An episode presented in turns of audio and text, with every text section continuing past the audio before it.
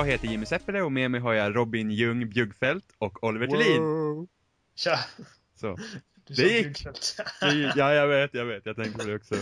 Egentligen vill jag ju säga Robin typ Blondie eller någonting sånt. Och sen, eh, Ja. jag har inte kommit på någon bra grej för dig än Oliver, så jag sket i det. Ja, men det är Oliver, det är svårt. Mina kompisar har sen jag började skolan försökt komma på ett bra, eh, bra eh, smeknamn till mig. Typ Pretty Boy, Doggy Eyes, jag vet inte. Nej men eh, Ollan. Ollan var det. Ollan Olla var det i och- trean. Fast Och Ollan Thulin. sen Ja, så kom det där eh, uttrycket olla ja. och eh, då var inte det lika coolt längre. Nej, men, eh, men desto roligare. Ja. Ja, inte för mig. Jag diggar Lolliver. Lolli ja just det, Lolliver. Lolliver. Olliver. Lolliver. Ja. Så E3 gick av stapeln förra veckan. Yes. Och det visade sig en massa spel. Eh, I skillnad från resterande år när det inte har visat något annat. Men eh, i förra avsnittet så avslutar vi med eh, att prata om Microsofts framtidsplaner med eh, Always Online och försöka stoppa begagnade spel. Och eh, veckan, eller ja, fredagen eller torsdagen innan E3 så gick de då ut eh, och specificerade då vad det här betyder och ja, du måste koppla upp konsolen var 24 timme annars kommer den inte kunna spela spel men du kan kolla på film. Du kan Specificera heter det. specificera, specificera. Jag vet inte, jag är finne, jag kan inte. Men de gick specifikt ut och sa vad som skulle vara. Specifikt De gick ut och sa vad som specifikt skulle vara.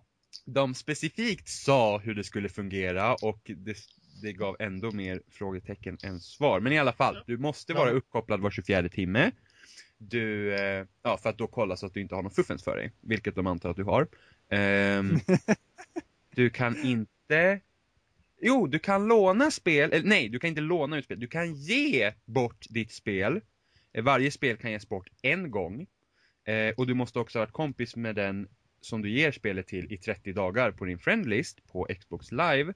Eh, och den personen kommer då bli fast med det spelet för alltid. Och eh, i en intervju med Major Nelson där de frågade om den personen faktiskt blir fast med det spelet så sa han ja, det tror han att det kommer bli. Så att du kan inte sälja tillbaka den till GameStop. Du kan till och med försöka spe, eh, sälja dina spel på typ Tradera och sånt. Precis, för att för det första du måste bevisa att du sitter med original, eller alltså med, med, med första inköpet. Och det är 30 dagars leveranstid.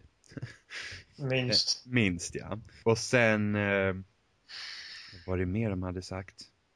Familjesharingplanen. Ja just det, du kan ju Som är dela, jävligt... precis, du kan ju dela dina spel med upp till 10 andra stycken av, som du väljer själv. Eh, det här gäller då single player-spel. Vad vi En, vet. en fråga där.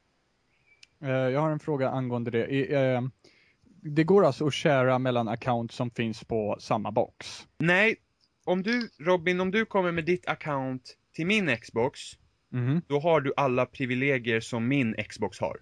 Okej, så att alla som sitter Eh, på samma box har samma privilegier? Ja, du har liksom, om jag har guld så har du guld om du är på min box.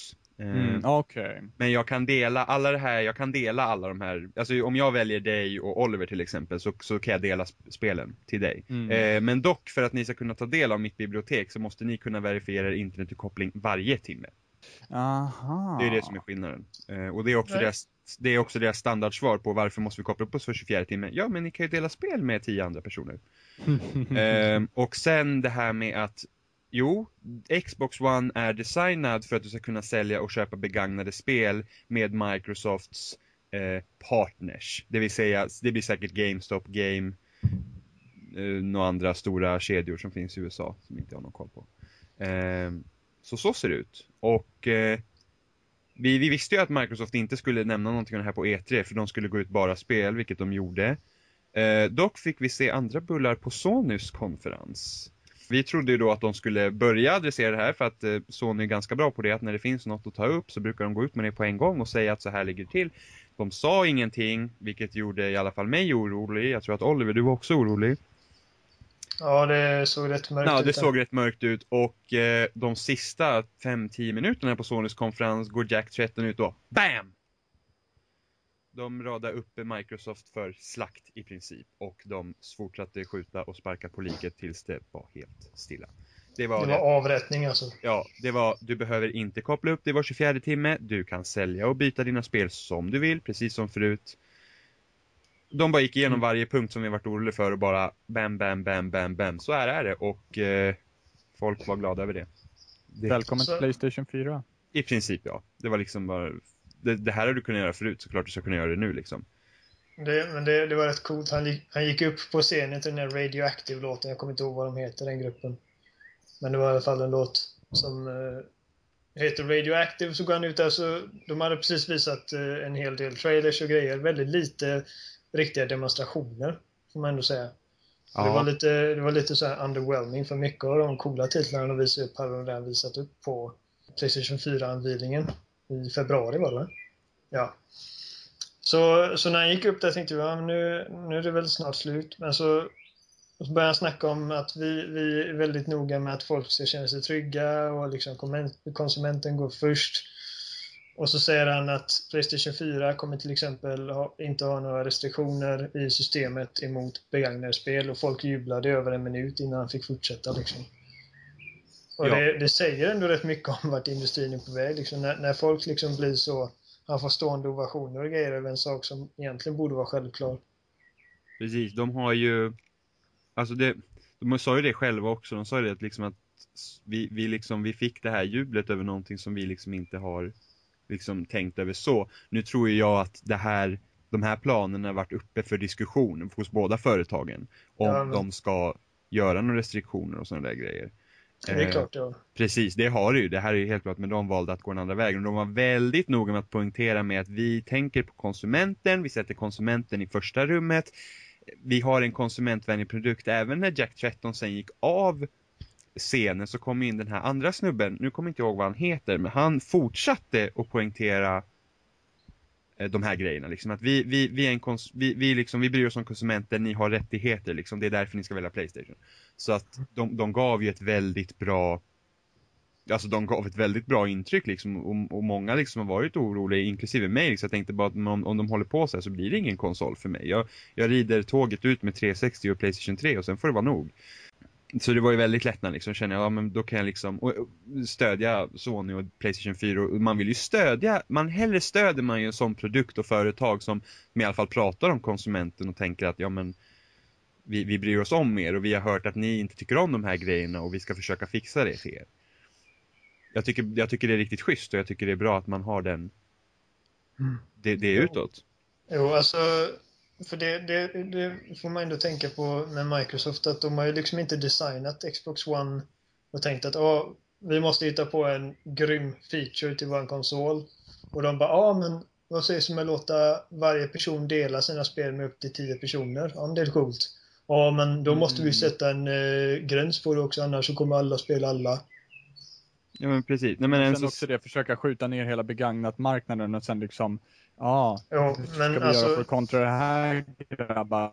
Jo, men vi kan dela med tio stycken. Hmm. men alltså det, det, det. Konsolen har ju designats med restriktionerna.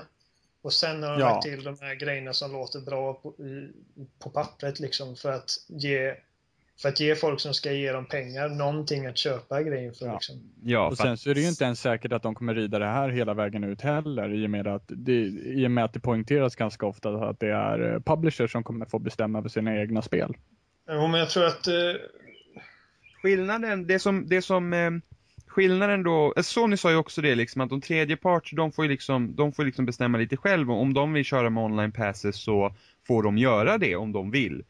Eh, det har de ju sagt då så att men skillnaden mellan Playstation 4 och eh, Xbox One är ju det att Microsoft har designat runt det här. Microsoft har två, eller ja det blir ju tre krav då, i, som är inbyggt i maskinen. Och det är ju liksom 24 timmars koll, eh, du kan bara ge dina spel en gång och eh, du måste ha varit vän med den personen i 30 dagar medan Playstation 4 har inget. Det är liksom, Precis. det finns den inget. kommer, vara lika, den kommer vara lika fri som Playstation 3. Precis, det, det är som Playstation 3 helt enkelt. Ehm, så, så, så det liksom blir ju inga ändringar där. Sony själva sa att de kommer ju sluta med online pass och sånt för att de lägger online multiplayer bakom Playstation Plus nu. Så att nu måste man betala för att spela online.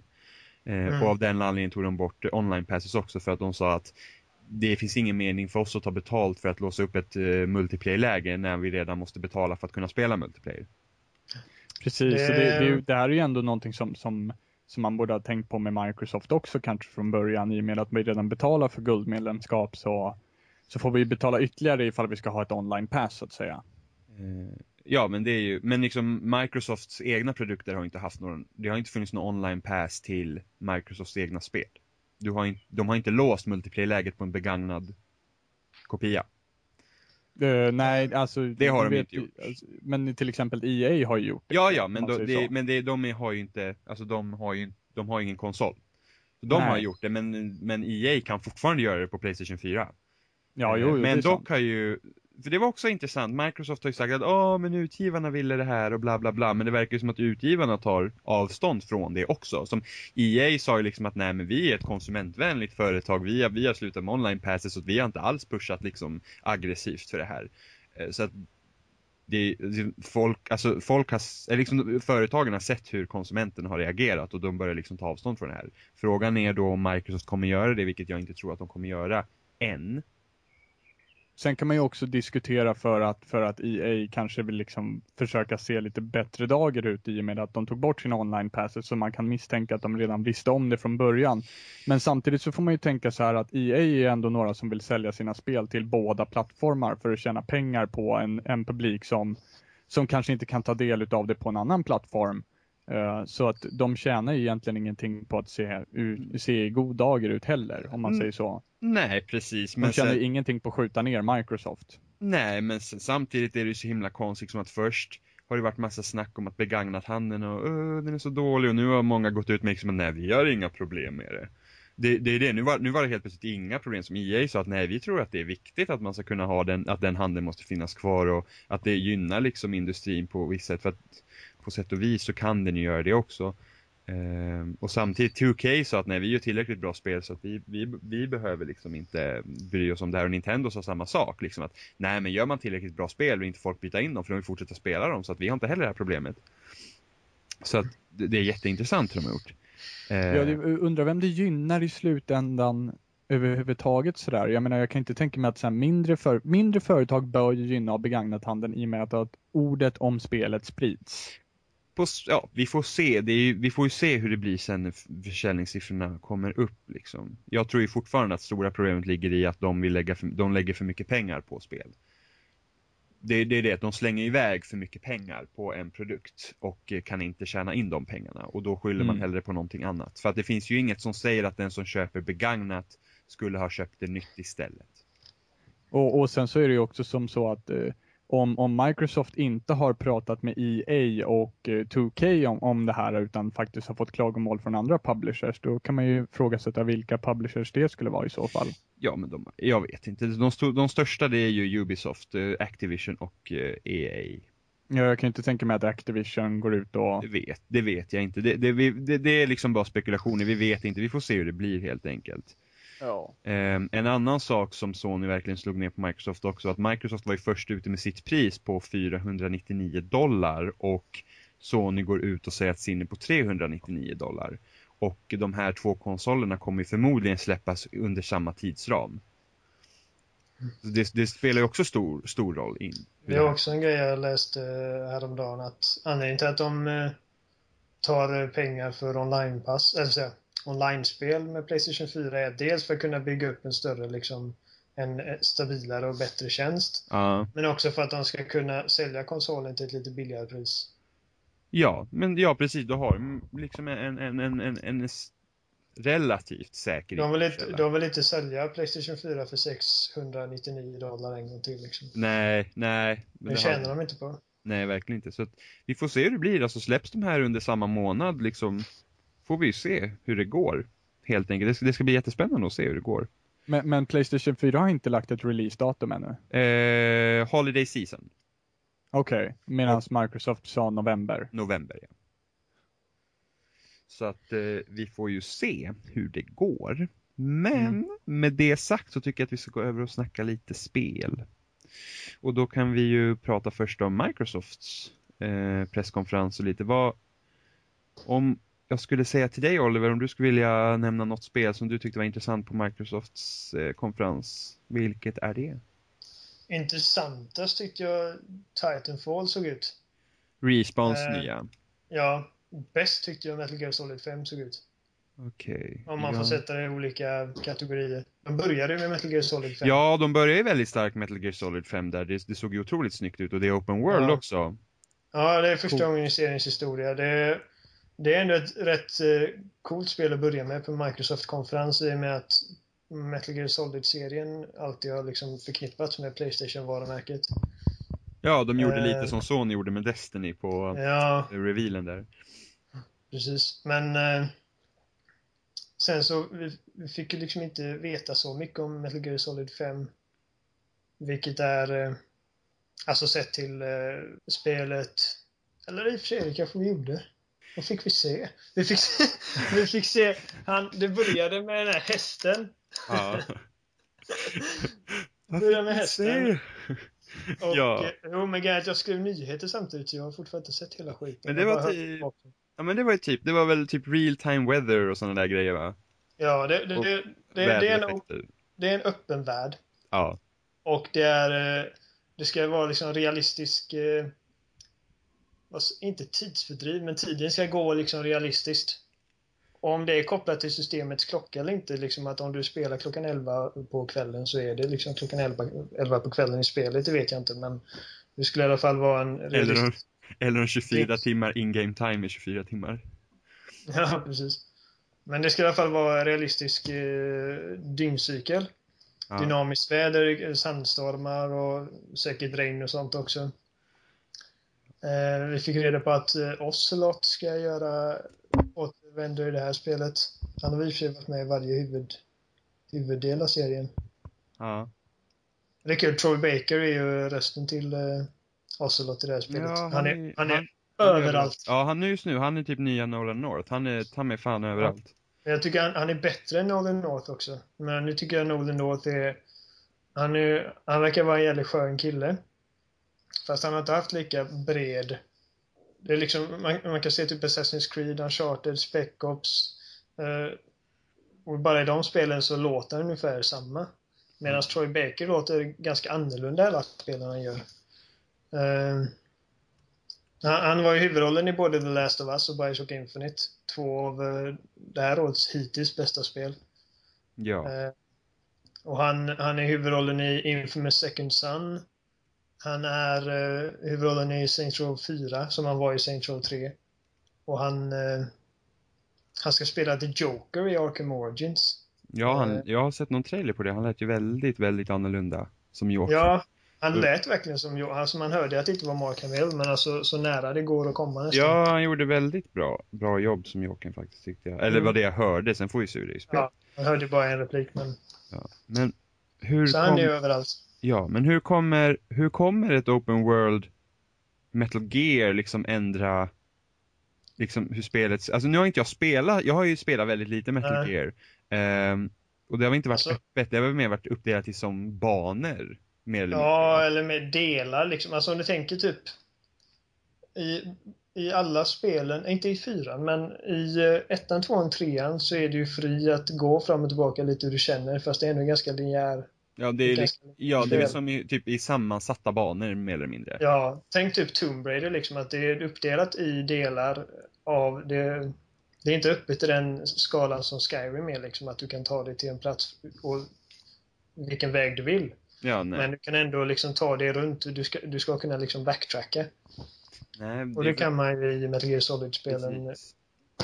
Det är, del. ja, det är väldigt intressant hur, hur ett öpp, öppen värld kan ändra hur man spelar. Ja. Någonting som, är, någonting som verkar vara väldigt intressant det är ju det här ehm, med, med dag och nattcykler och sånt där, över huruvida det ska vara realistiskt eller inte. Eh, för i så fall, kommer det att spela in på till exempel AI då ifall det är natt? Kommer man se sämre Ja. som AI? eh, Sånt där. Och finns det då vissa strategiska tidpunkter som man, som man bör använda sig av i spelet? Jag kan inte tänka mig att man lägger in en sån feature i ett spel utan någon sorts gameplay-anledning, så att säga. Nej, för tänker du får ett uppdrag så tänker du kanske att ja men det här hade nog passat bättre på natten och så väntar de och spelar eller flyttar fram Mm. klockan eller vad det nu gör. Så att det, Mm. det är väldigt intressant faktiskt. Det Särskilt, inte Däremot så skulle det Eh, vara video- jävligt drygt som, ifall det skulle vara som, som GTA när de säger ja men kom tillbaka mellan den här tiden och den här tiden. Det vore ju inte så jävla spännande Ja, men det, det, det, skulle det tror vara jag så. inte. Jag tror Eh, knappast att de tror jag skulle, nej jag tror knappast att de ska säga nej men du kan först spela här om typ tre timmar eller fyra. Ja precis, klockan tre på natten för dig, grattis. Då, då kan du säkert få tips att ja men det här uppdraget gör du bäst i kanske att försöka ha skymning eller lite mörker som du kan gömma dig i och då kan du kanske planera därefter. Mm. Och Samtidigt sen tror jag jag också liksom frågan med att, eh, dyn- dynamiskt väder då också, över huruvida man kommer få någon slags, eh, det? Prognos. Ja precis, någon form av prognos innan eh, vilket väder det kommer bli och därefter kunna planera ut efter det.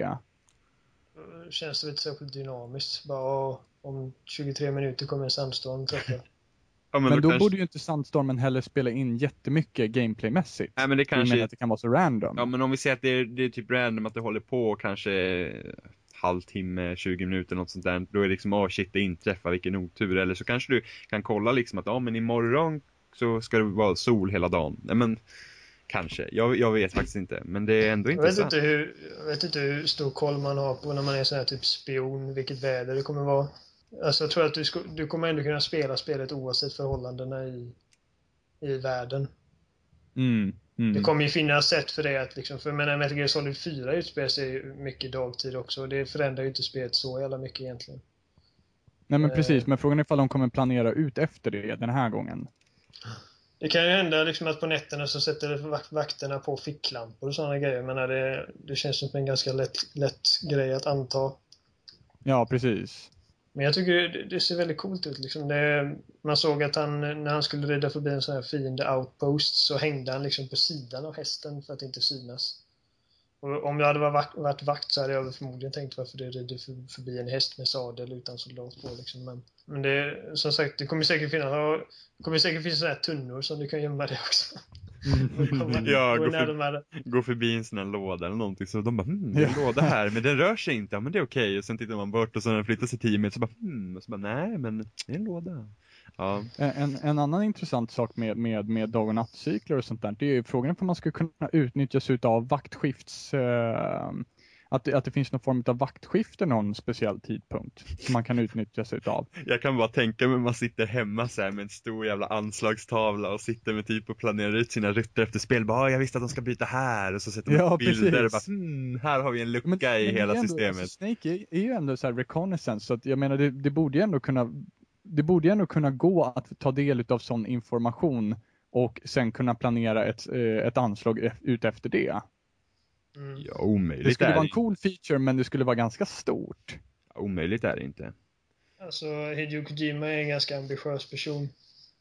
Så att vi, vi kommer nog få en del överraskningar gameplay-mekaniskt. Men han har ju, han har ju tag, gått in lite mer på vad det här med Ground Zeroes och Phantom Pain är för saker i spelet. Ja, När, när spelet visades första gången så hette det ju Metal Gear Solid Ground Zeroes. ja, Det var ju utan siffra eller någonting i titeln. Och då, eh, då visade han liksom att ja, men det, här är, det här är ett öppet spel och bla bla bla. Och sen visades ju The Phantom Pain på eh, VGA 2000... ja, VGA i, ja, VGA i fjol ja. Ja, precis. Och eh, jag kommer ihåg att jag tänkte det att det här ser ut som ett Metal Gear Solid-spel. Men jag har aldrig talat om Mob Dick Studios och det ser ut att vara ett nytt IP liksom. Ja, Och just sen det. börjar de med, ja, Jo- sen så börjar de Joakim. Joakim Mogren och Ja, så behövde man se, höra alla engelska journalister säga Joakim. Ja, Störande. vilket, vilket eh, PR-jippo det var. Det var väldigt Ja, kul. men det var faktiskt ganska kul. Det var ju bara synd att det inte var, alltså det var ju ändå ganska, liksom alla sa ju typ att ja, det måste vara Metal Gear Solid liksom. Det syntes ganska snabbt. Ja, men det, alltså till slut så känner man det på sig. Men det var lite det som Ja, men det var en, ja, men det var ändå kul. Typisk Hideo Ja. Kojima liksom. Ja, man, allting behöver inte vara att här är spelet, här är en trailer, det här är exakt vad ni kommer kunna göra spelet, se fram emot det när det släpps Fick i- vi, om fick vi någonsin reda på en Joakim Mogren i den intervjun han gjorde om det var en riktig person eller om var datorrenderad? Det gick ju de Ja. rykten också. Det var nog en person. Ja, det tror jag också. Han såg galen ut. Eh, Men om vi ska gå ifrån Metal Gear Solid, så Robin, vad såg du för spel på Microsoft-konferens som du tyckte var? En, Alltså så det lite- som verkligen är, ja.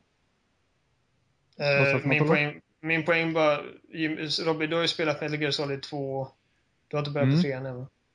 Nej, jag spelar ettan. Ettan och tvåan. Tvåan och trean, de är uppdelade i två delar. Som i, som i tvåan så har du först Tanker. Mm, Och den som alla ju- hatar. Mm. Sen har du ju Plant. Mm. Det är det Raiden tar över. Mm. Eh, Ground Zeroes är det här spelets Tanker. Aha. Att han sa att eh, det kommer bli en omställning för Metal Gear Solid-veteraner att bli inslängda i en öppen värld. Så vi, vi introducerar det elementet på en mindre skala i det spelet. Eller Ground Zero som är prologen till spelet. Och The Phantom Right. Pain är liksom Plant. Det är, då, det är då själva spelet på allvar börjar.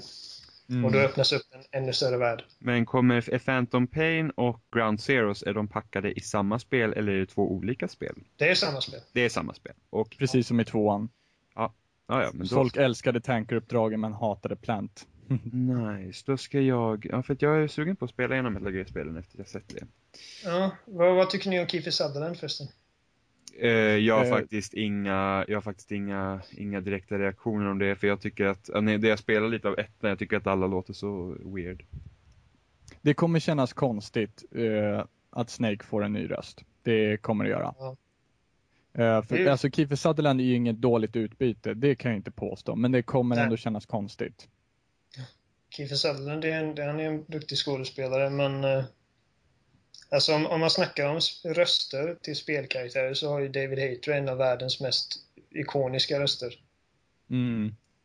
Det är väldigt igenkännligt. Det, samtidigt finns det ju den här, för spelet utspelar sig under 80-talet, och det finns den här teorin om att Kiefer Sutherland spelar liksom Big Boss. Och man kommer få möta Solid Snake, som spelas av David Hayter. Mm. Det är ju en teori, fast det vet vi inte. Ja, Det kommer bli intressant. Intressant kommer det Ja. bli där faktiskt. Eh, Men Kiefer Sutherland är, är, är, det är ingen fel på Kiefer Sutherland. Så mycket kan jag Ja. säga. Sen så får man se vad, vad initiala reaktionerna blir. Han har gjort tv-spel förut. Han var med i Call of Vilket Duty spelar World han voica? Jaha, Så det var som fan. Det eh, visste jag faktiskt inte. Nej, nej men han är inte helt, eh, helt nybörjare. Nej. Och han sa det, jag är ingen gamer, men jag vet, jag vet vad Metal Gear Solid är för någonting. Liksom, det är stort. Så Ja. man såg den här videon när snackade, han såg väldigt, eh, han såg ut att vara väldigt stolt över att få vara en del av det. Liksom. Ja, det Ja. hoppas man ju att han, att han är. Mm. Robin, eh, vad tyckte du så bäst ut? ja, alltså det som, det som verkligen etsade sig fast ordentligt, det var ändå eh, Dead Rising 3. Det tyckte jag såg, det tyckte jag såg sjukt coolt ut. Alltså jag har inte spelat varken, varken Dead Rising 1 eller Dead Rising 2. Men, och det, alltså utefter vad jag sett av Dead Rising 1 och 2 så är det inte så jättemycket nytt förutom typ att eh, det är nu enorma horder utav zombies. Alltså verkligen enorma horder. Mm. Men jag, jag vet inte, det var, det var bara någonting som jag fastnade för i Dead Rising 3. Som jag tycker, ja, det ser, det ser väldigt coolt ut. Det är någonting som jag verkligen kan eh, känna en förväntan över. Ja, det var ju Xbox One exklusivt också. Mm, tyvärr. Ehm, ja, men ja, det var ju helt sinnessjukt hur mycket zombies det var på skärmen samtidigt. Mm. Jag tycker att i jämförelse med de första två spelen så tycker jag det ser lite tråkigt ut alltså. Ja, det är väldigt brunt. Och anledningen till att de var det, det var inte bara, ah, men vi ska göra det mer vuxet. Och vuxet är automatiskt brunt och grått. Och... Ja, men alltså, de första två spelen hade ju verkligen glimten i ögat. Ja, det hade de. Ja, det hade de. Eh, jag gillade ettan. Enda, det enda som jag inte gillar med ettan, och det är därför jag aldrig orkat klara ut det, är den här tidspressen man har på sig hela tiden. Ja, det kan bli. Eh, så att, eh, men alltså, där, där släpper de det lös i ett stort varuhus. Och du får liksom slå ihjäl zombies med allt du kan hitta. Du kan ta upp stora teddybjörnar, du kan köra med gräsklippare. Alltså där handlar det ju bara om att typ, döda folk, eller folk, zombies. Före detta folk på så roliga sätt som möjligt och liksom på vägen liksom rädda så många dumma AI-gubbar som möjligt. Det här ser mer, mycket mer seriöst ut. Mm, dock finns det ju kvar det här med att du ska kunna kombinera vapen och sånt som de hade i tvåan ju. Det, han tog väl Mm. upp någonting och så kombinerade han det med någonting. Det kommer inte Ja, vad var det? En motorsåg och... Eh, vad var det för något? Var det en motorsåg och en slägga? Ah, jag ska inte... Jag vet inte, men det var, det var i alla fall, så det kommer ju säkert finnas kvar. Men det var ju ändå... Ja, Men det, fick- det ser inte lika charmigt ut. Nej, det gör det inte. Men, nej, precis. Så att det, det, det, det liksom som imponerar här, det var ju bara skalan på. Ja, liksom. och det är det som jag tyckte, alltså det, det en riktig zombieapokalyps i en Ja, stad liksom. Och draw distansen var ju, man kunde ju se jättelångt. Så det, det var faktiskt cool. Det, det är kul att se med de nya konsolerna nu är det att jag har märkt att folk, alltså de börjar liksom lämna lite med den här eh, linjära typen Ja, är av spel. Utan det, vi fick se väldigt mycket öppna spel. Eh, att, Ja, jag har inget emot liksom att om ett spel är linjärt så är det liksom inte autodåligt. Men det, det är roligt att se att det blir mer öppet. Ja, för att vi har haft så himla mycket linjära spel. Liksom, jag spelade Remember Me nu för någon eh, vecka sedan och det, det ju- eh, liksom, jag behöver inte ens tänka vad jag skulle gå. Jag kunde hålla i princip liksom framåt på spaken. Liksom. Jag, och och Mm. allt liksom visade precis vart jag skulle gå. Det fanns liksom ingen ens rum för att ens gå fel. Så, hyperlinjärt. Och det behöver inte betyda att det är dåligt i sig, men det är trevligt att se att man öppnar upp världarna mer. Mm. Och sen så är Det- också det det, med ändå- möjligheterna med nya konsoler och sånt där också. Det är ju det att, eh, att, att även fast vi- vissa spel som, som ändå är open world så att säga har ju ändå sina begränsningar i sin värld också.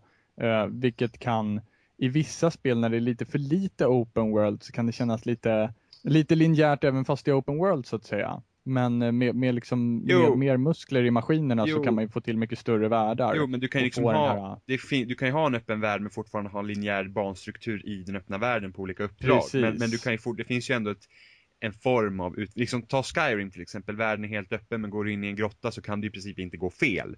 Nej. Eh, och det gör ju ingenting. Men det, du har ju fortfarande liksom, jag behöver inte gå in i de grottorna om jag inte vill, om det inte är en uppdrag som jag måste göra förstås då. Men, eh, men det är något som, jag tror att det är så för att först behövde de få bukt på hur de skulle utveckla spel med HD i åtanke och då var det säkert lättare att göra en mer linjär bandesign.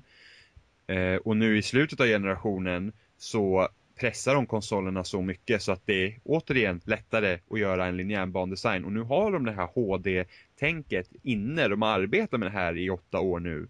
Så att Mm. eh, nu, nu tänker jag, men vi kan det här från början och nu har vi all den här nya kraften så att då kan vi göra öppna, öppna världar på en gång. Liksom. Bam. Mm, precis. Det, det är ändå Det tycker ganska jag- skönt.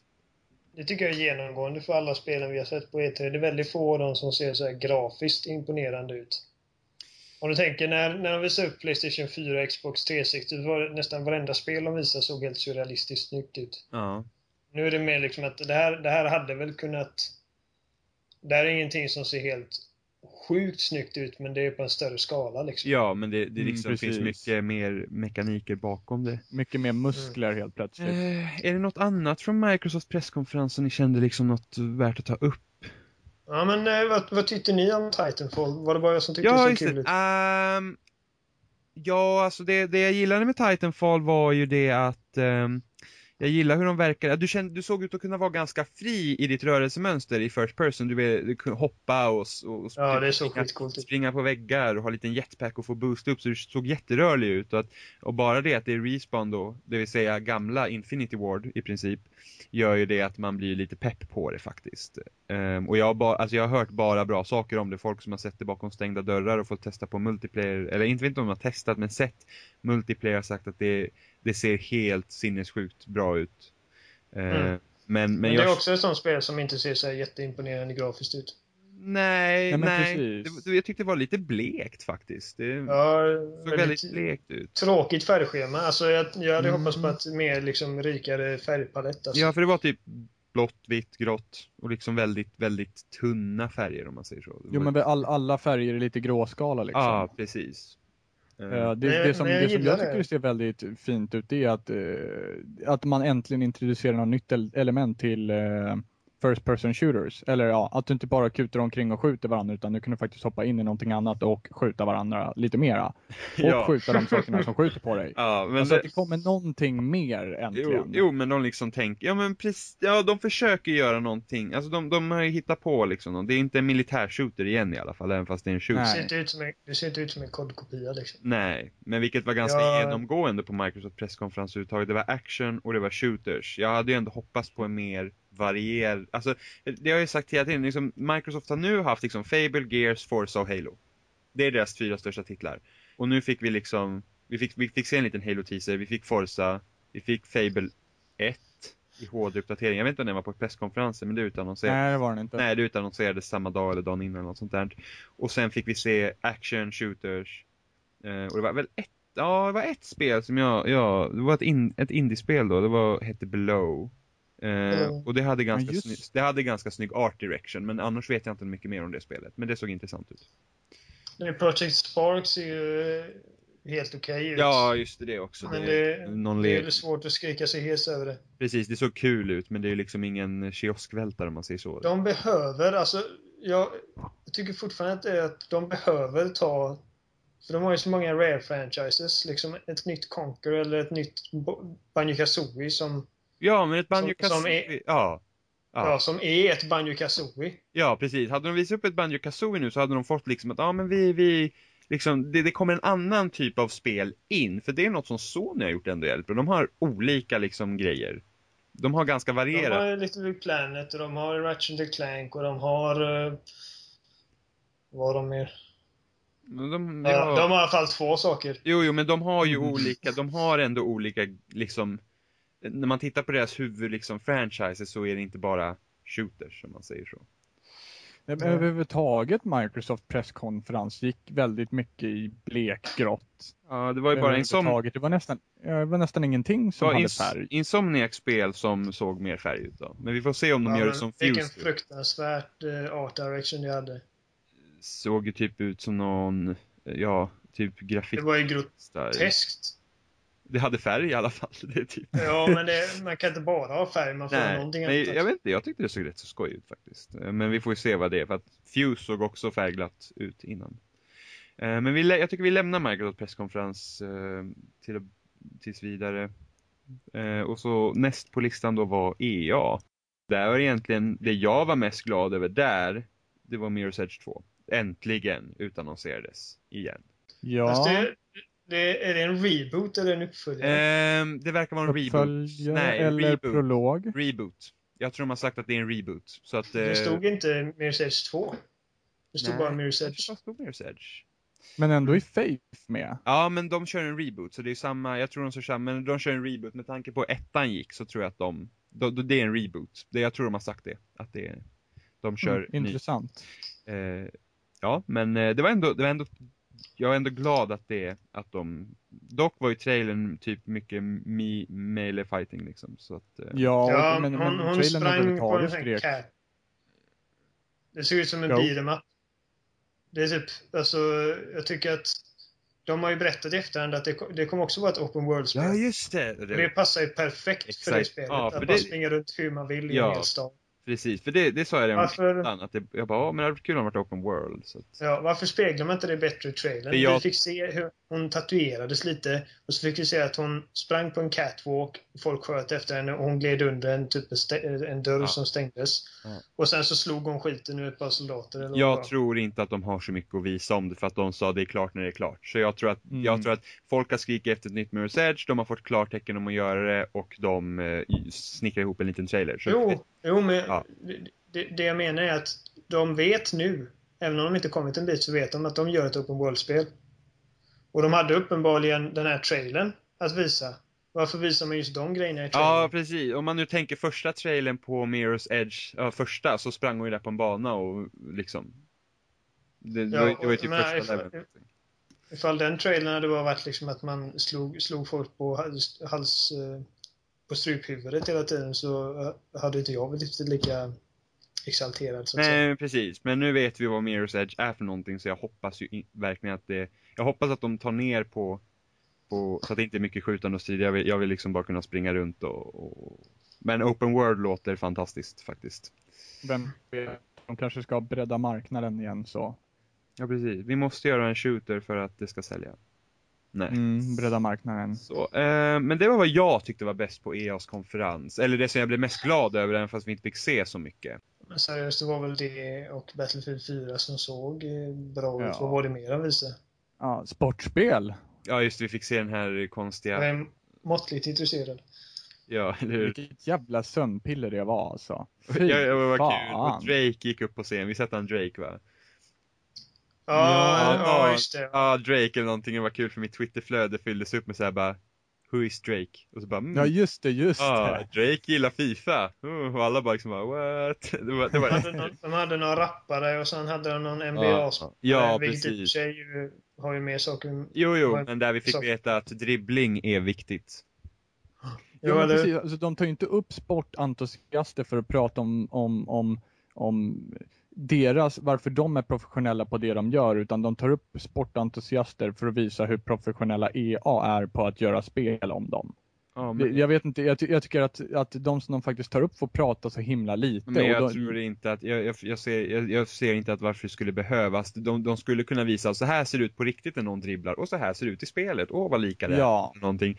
För att det blir bara, alltså, hela EAs konferens, liksom när de börjar dra upp sådana här sportspel, liksom först de börjar med Need for Speed, nya, och sen direkt går de över på sport, och det är liksom eh, två genrer liksom som är minst uppskattat att sitta och titta på. För att det är liksom, Ja, men det, ingen köper- säger liksom att det inte kommer bli roliga spel. För det, det finns ju uppenbarligen en publik Ja. för folk som köper Fifa och NHL och Madden varje år. ja, men det är så Men himla alltså- tråkigt att titta på.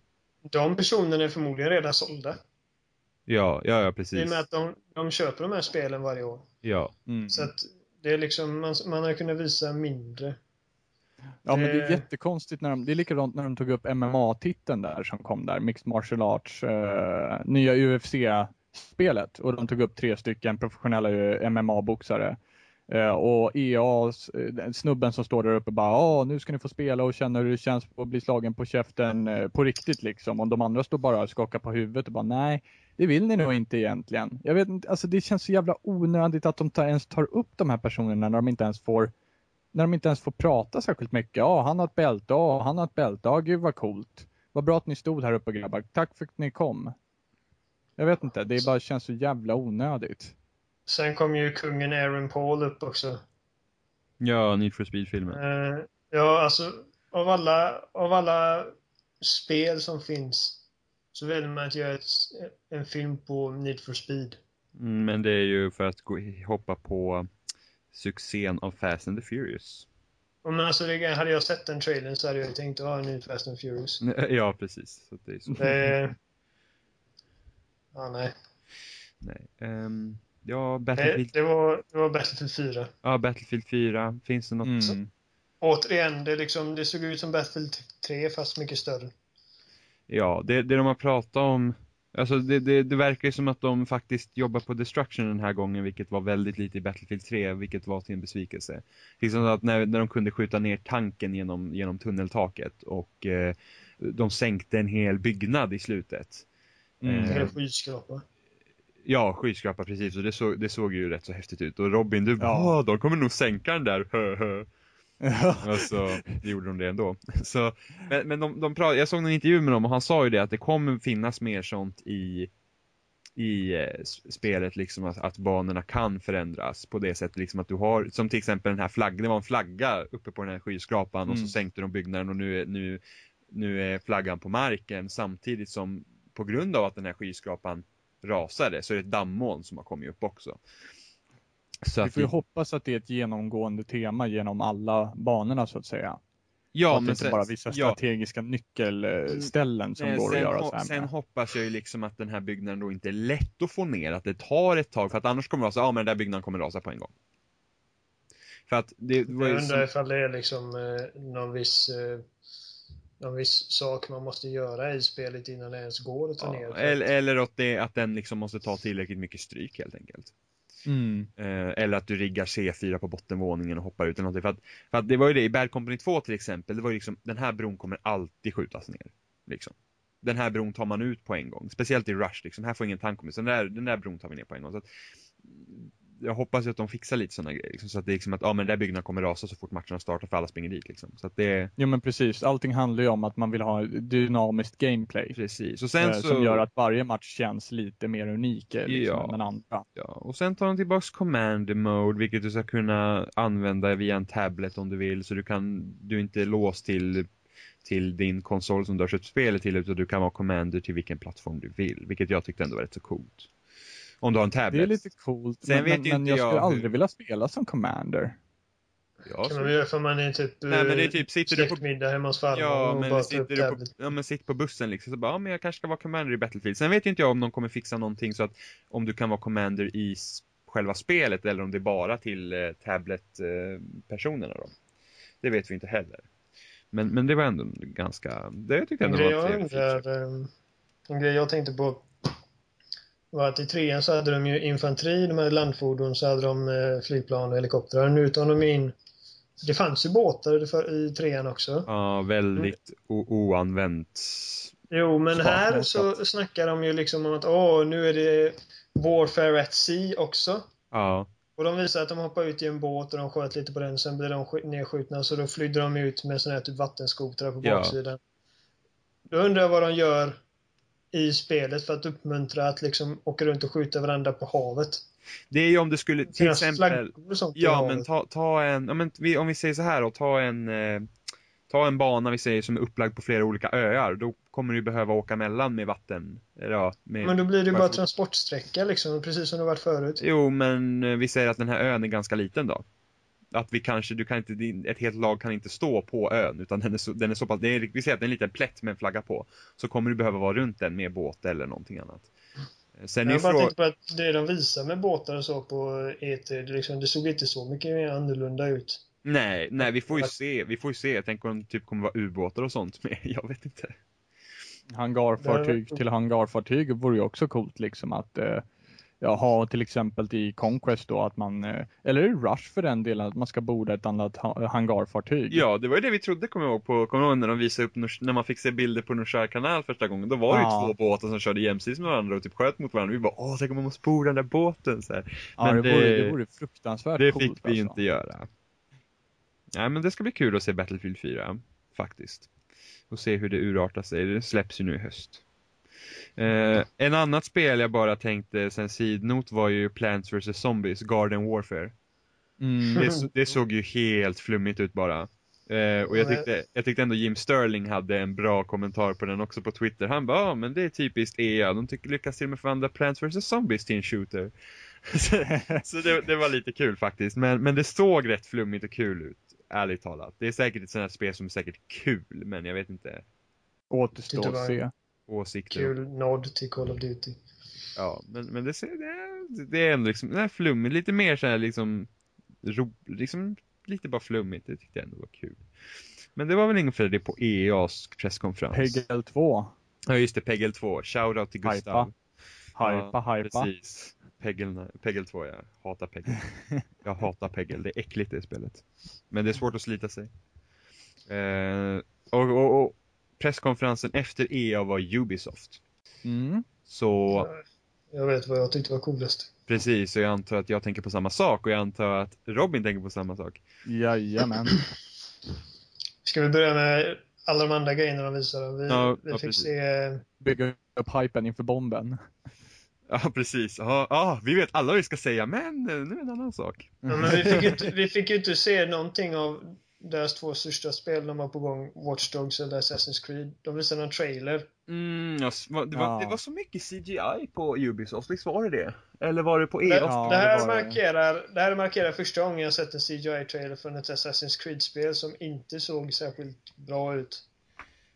Alltså, Efter trean så är jag väldigt, väldigt, väldigt svårt att vara peppad på Assassin's Creed 4. Nej, men jag menar att ändå deras CGI-trailers Ja, det ja precis. Va? Deras CGI, deras CGI-trailers brukar se coola ut. Ja, Alltså, jo, de det är sant. har cool musik och liksom häftig, häftigt animerat och det, man blir liksom pumped. Det här var det bara, ja, det var någon badfight och sen så helt plötsligt så var han på någon båt och så bara poff, ja, Assassin's Creed 4 typ. Ja. Jag, kan ändå, jag håller ändå med dig där för att eh, alltså, alltså överhuvudtaget så tycker jag att Assassin's Creed har lite svårt att försöka armbåga sig in i pirattemat. Kände jag med hela trailern att det bara kändes lite malplacerat på något sätt. Det, det hade nästan passat bättre som ett nytt IP än ett, ett, ett nytt Assassin's Creed. Jag hade ju hellre haft ett nytt IP där de, hade, där de liksom fick börja om och göra ett piratspel. Än att de Mm. liksom, för nu är de ju fortfarande fast i, i det som gör Assassin's Creed Assassin's Creed. Mm. Och det jag har sett av demos och sånt också när man pratar om spelet, det är liksom det är Assassin's Creed. Jag hoppas ju bara att det är ett bra mycket bättre spel än trean.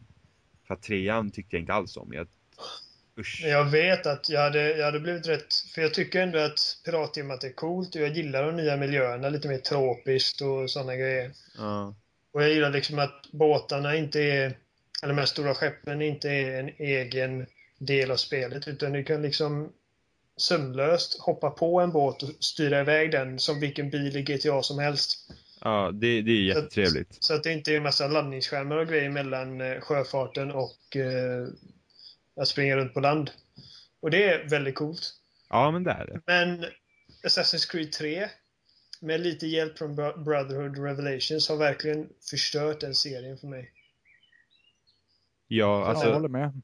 jag, jag, kommer ju, jag kommer ju köpa Assassin's Creed 4, det kommer jag göra.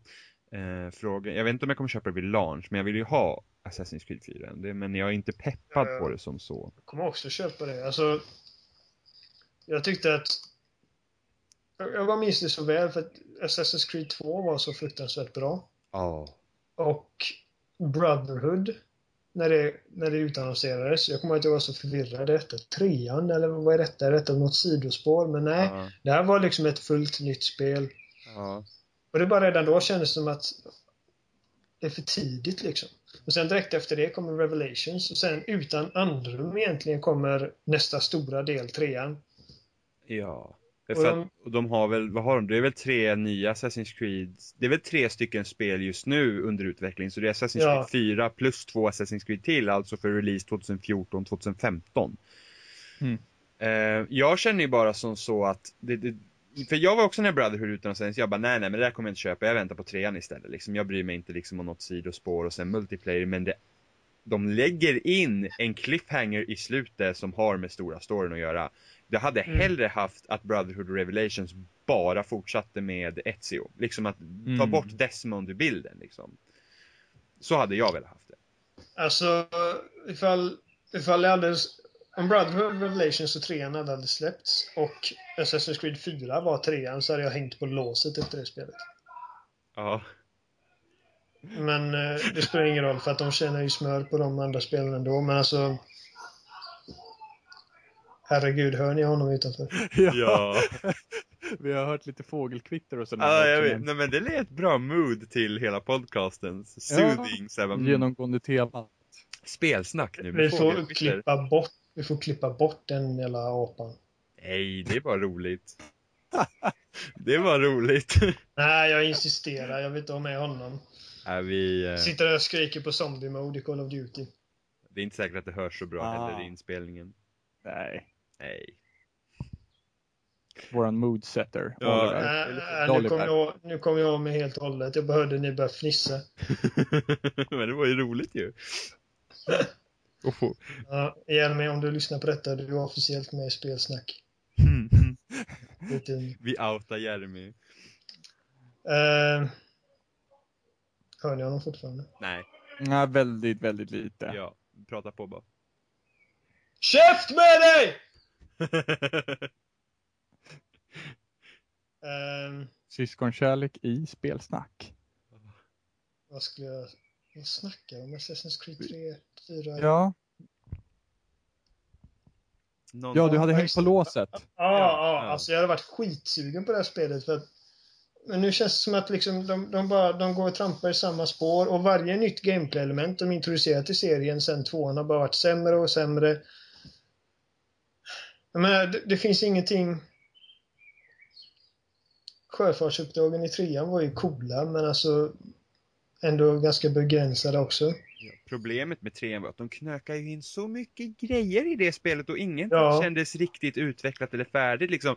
Hela handelssystemet var liksom bara så här, jaha, jag fattar ingenting. Och du hade en tutorial på det och jag fattar fortfarande ingenting. Eh, Liksom, Om det, och så men skulle det- du jaga och sälja och du behövde ju aldrig ha pengar till någonting liksom. Du hade en... Nej.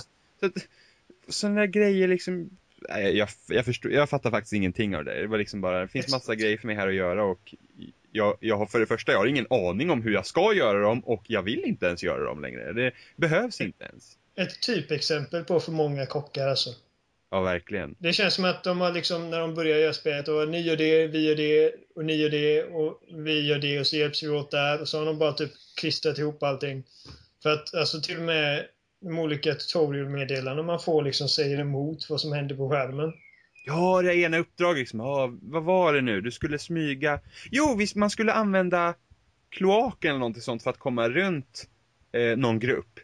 Visst var det det de sa? De sa typ, ja, vi måste komma runt dem så använd det här. Men det var bara att det där vart du skulle in krävde det att du gick igenom det du skulle undvika. Jag kommer inte ihåg vad, som, vad det var, men det var var någon det. karaktär i spelet, gå inte dit liksom. Du får, du får gå runt där och gå inte dit och bla bla. Och så såg man att man skulle visst gå dit. Jag stod där en stund utan att fatta vad jag skulle göra. Samma här. Eh, och det är alltså, om det var någonting jag hade hoppats på inför trean var det liksom att skala bort allt onödigt skitsnack. Och börja om liksom. Och gör, gör nya grejer liksom. Ja, precis. Alltså, jag hade hoppats på att de skulle slopa det där full synchronization. Eh, för det började de med i Brotherhood tror jag det var va? Ja, det kom i ett D. Nej, de börjar... Jo, det börjar i Brotherhood, ja. Precis. Ja, det var i, varje, var, i början av varje uppdrag så stod det liksom att ja, döda den här eh, gubben. Och så, så synchronization, för att få full procent på det uppdraget så behövde du göra något sånt här löjligt extra grej som att göra det under 50 sekunder eller förlora inte mer än tre liv. Ja. Eller Bli inte upptäckt. Nudda till marken. Eller Och hur? sådana här patetiska grejer. Och då blir det liksom i Revelations, ett av de första uppdragen är att du ska döda fem soldater från sådana här höstackar. Och det finns liksom en höstack. Kanske två. Så att man fick ju liksom Ja, först två- gå fram till vakterna. Man fick ju gå fram till vakterna Och lura och dem. locka till dem till höstacken, hoppa i och sen hugga dem. Och hela grejen med synchronization-grejen är att liksom det ska bli så, så exakt så som karaktären gjorde det liksom. Innan man Mm, återskapar Ezio det. stod Som, som ett jävla fån vid en hörn och stod och kastade pengar och hoppades på att vakter skulle komma dit eller? synchronization my dåligt. ass! Ja. Eller som i... Ja, och de fortsätter med det i Revelations och sen kom trean och tänkte jag hoppas de tar bort det för det tar ju verkligen bort all frihet i ett open world-spel egentligen. Ja, man kan ju Eh. välja att ignorera dem också, men liksom... Man ja, är, men det gnager ju Jag där i baken. Ja, men Ja, det, och det är också inte också ja. det utan det är också en uppmaning till att göra så här Ja, för att det är så precis. exakt storymässigt som det kan bli. ja, och varje gång du misslyckas så kommer en fet jävla röd text. Bara, oh, you failed, full synchronization. Man Ja. bara liksom, fuck you! Det är alltså ett av de sämsta uppdragen i trean. Det är du ska jaga en gubbe genom folkmassor. Ja! Och det är den här synchronization. Och det Ja. är det värsta med trean. Det är flera olika grejer du måste göra på varje uppdrag. Ja, och så det typ nudda inte folkmassan, Ja. hamna inte hundra meter bakom honom och sen ta honom under x antal sekunder. Och så är det random span på den där jävla eh, NPCerna. Så- Nudda inte, nudda inte NPCerna står det och spelet gör allt de, de kan för att liksom få de här karaktärerna eller de här NPCerna i vägen för dig. Ja, sånt Alltså, jävla det är så- bullshit. Efterblivet så jag dör. Ja, nej det var, det var riktigt, alltså, det var mot slutet av spelet också, jag hade bara lust att bara slänga kontrollen ut genom fönstret och fuck you Assassin's Creed 3. Jag har inget hopp för att uh, fyran kommer vara bättre liksom. Nej. Det, de kommer fortsätta knöka in så här onödiga grejer som bara är där för att eh, liksom förstöra för mig.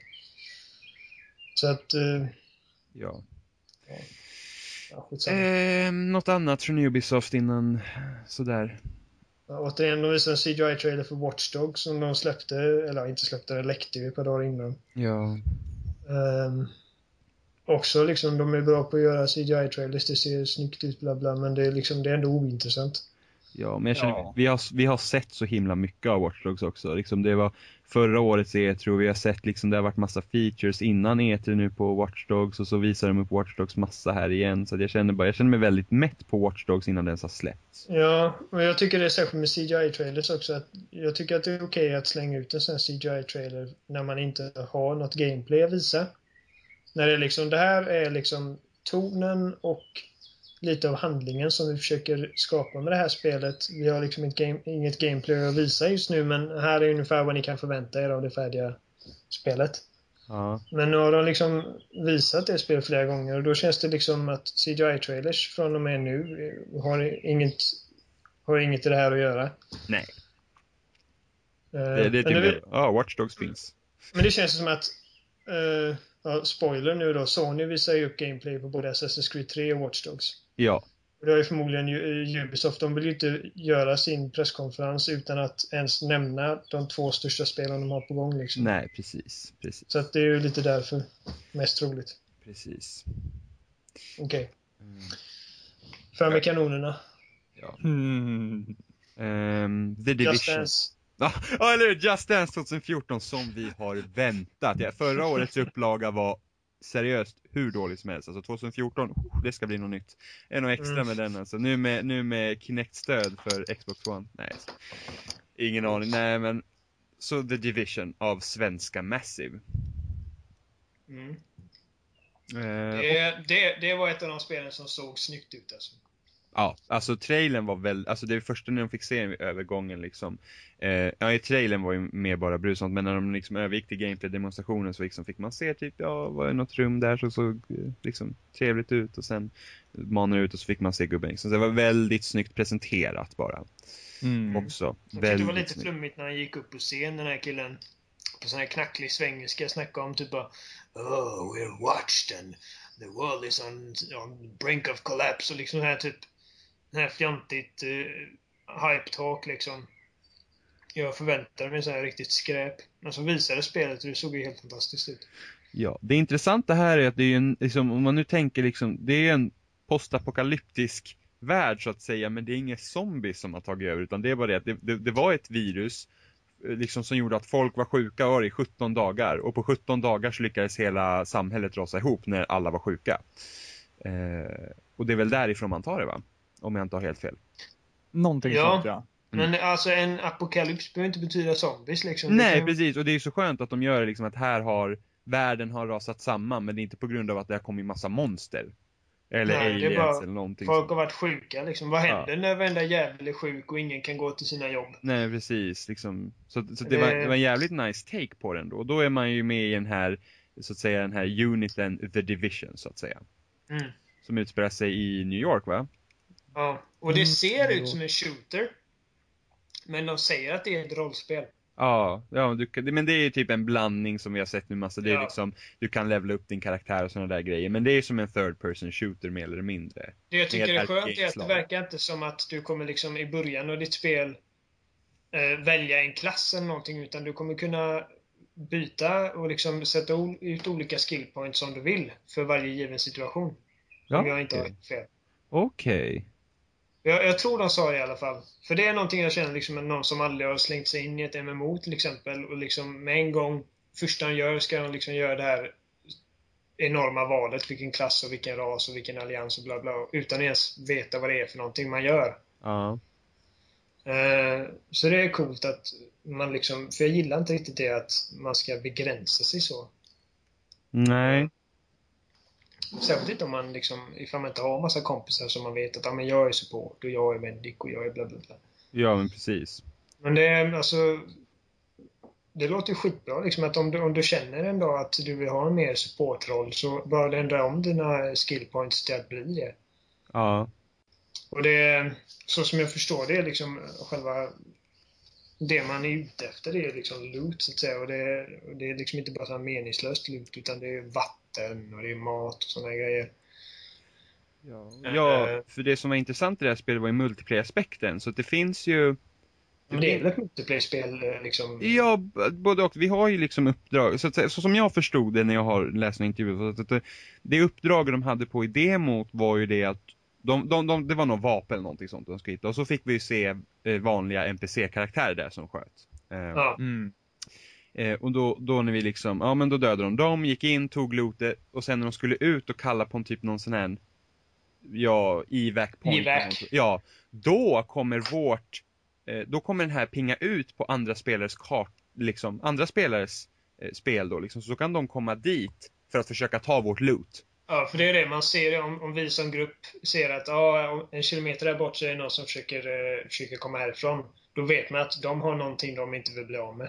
Ja, och då, Då går vi dit och slaktar skiten ur dem och tar allting själva. Precis, så att det är den multi, det tycker jag ändå är intressant. Att man, man försöker liksom blanda in eh, multiplayer-aspekten i single player.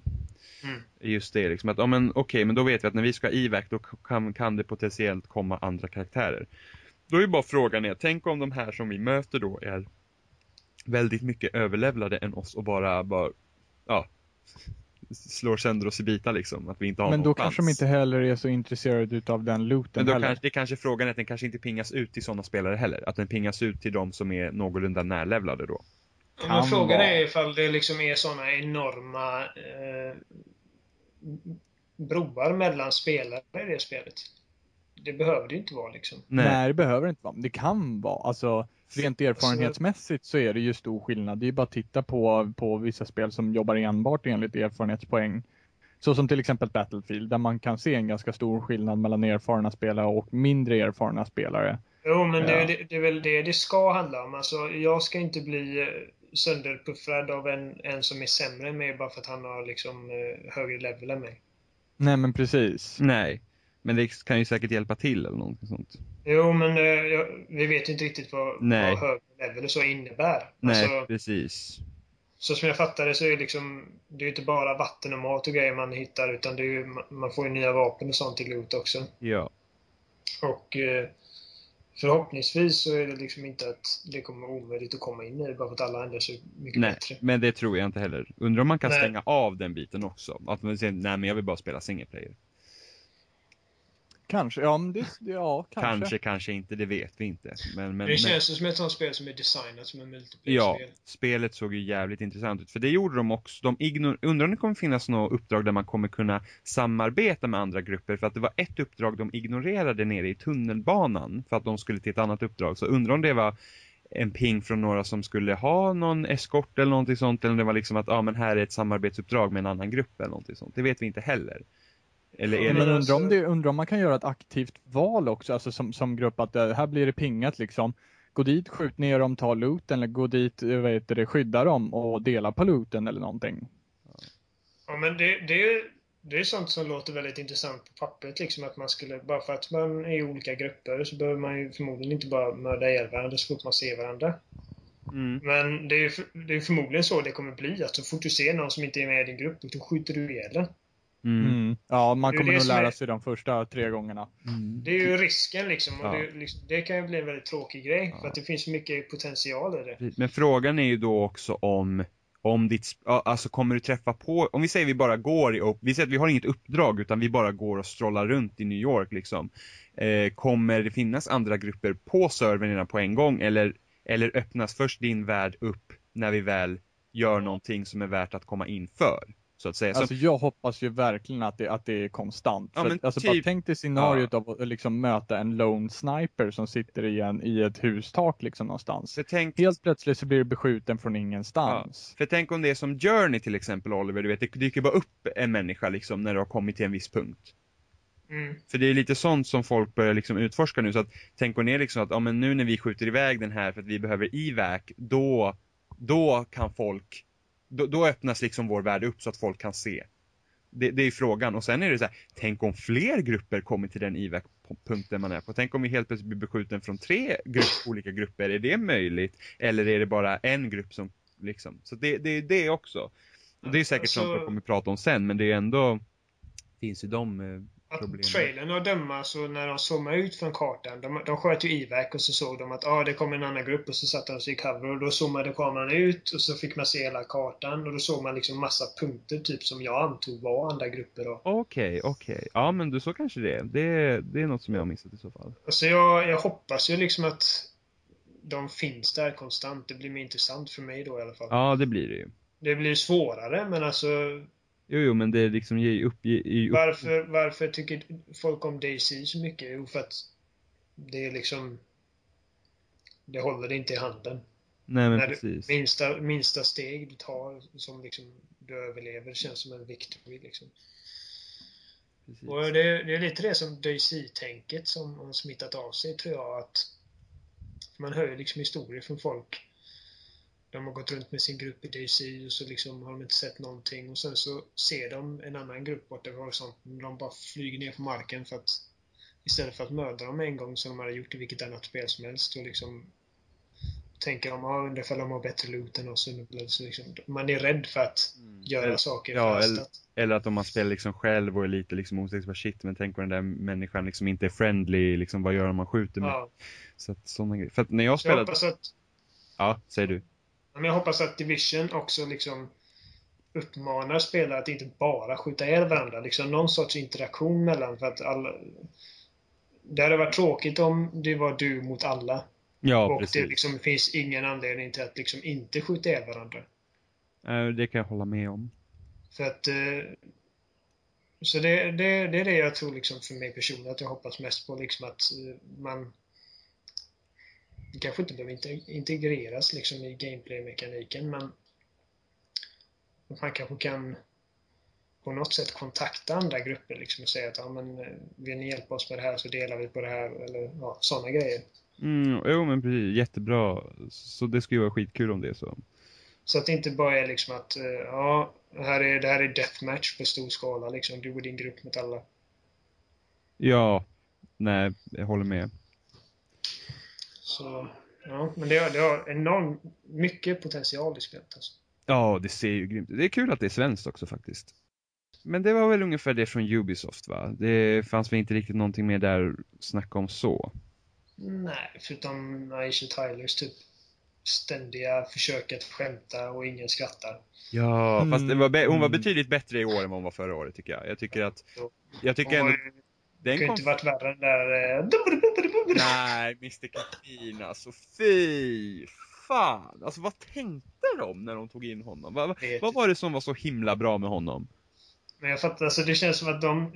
Ubisoft vill liksom göra mer av en typ showbiz-grej av det snarare än... För att det är ju egentligen bara, det är ju bara branschfolk på E3. Ja, Varför ska de försöka göra en sån här typ cirkus av det? Jag fattar inte det. jag vet inte. Men jag, jag tycker ändå att de hade ändå, jag tycker ändå att det, deras konferens var ändå ganska underhållande på det sättet. Jag tycker, jag vet inte, jag tyckte hon skötte ganska bra i år. Men Väldigt Ja, bra jag- flow.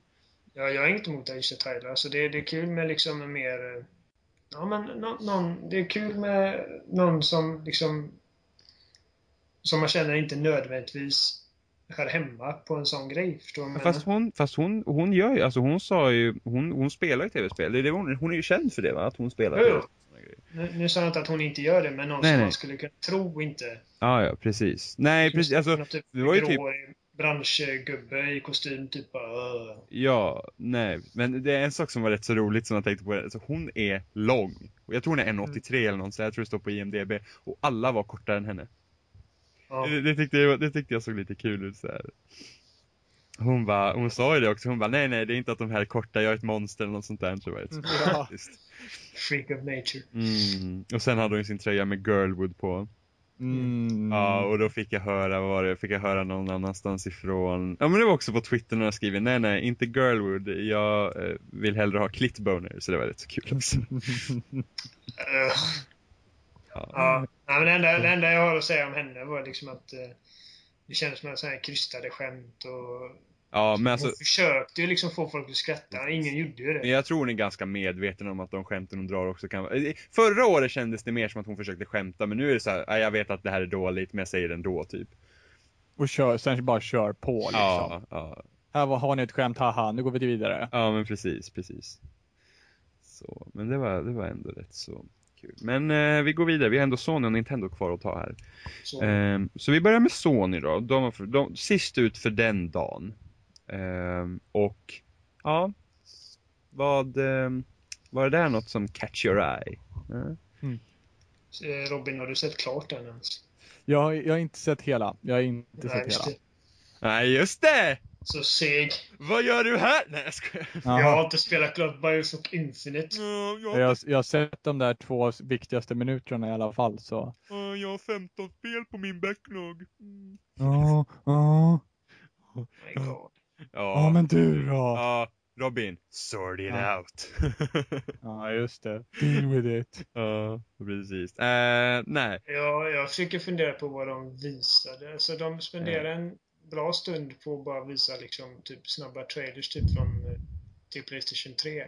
Typ Arkham Origins och... Ja, jag vill bara snabbt säga liksom att vad är Beyond för ett spel?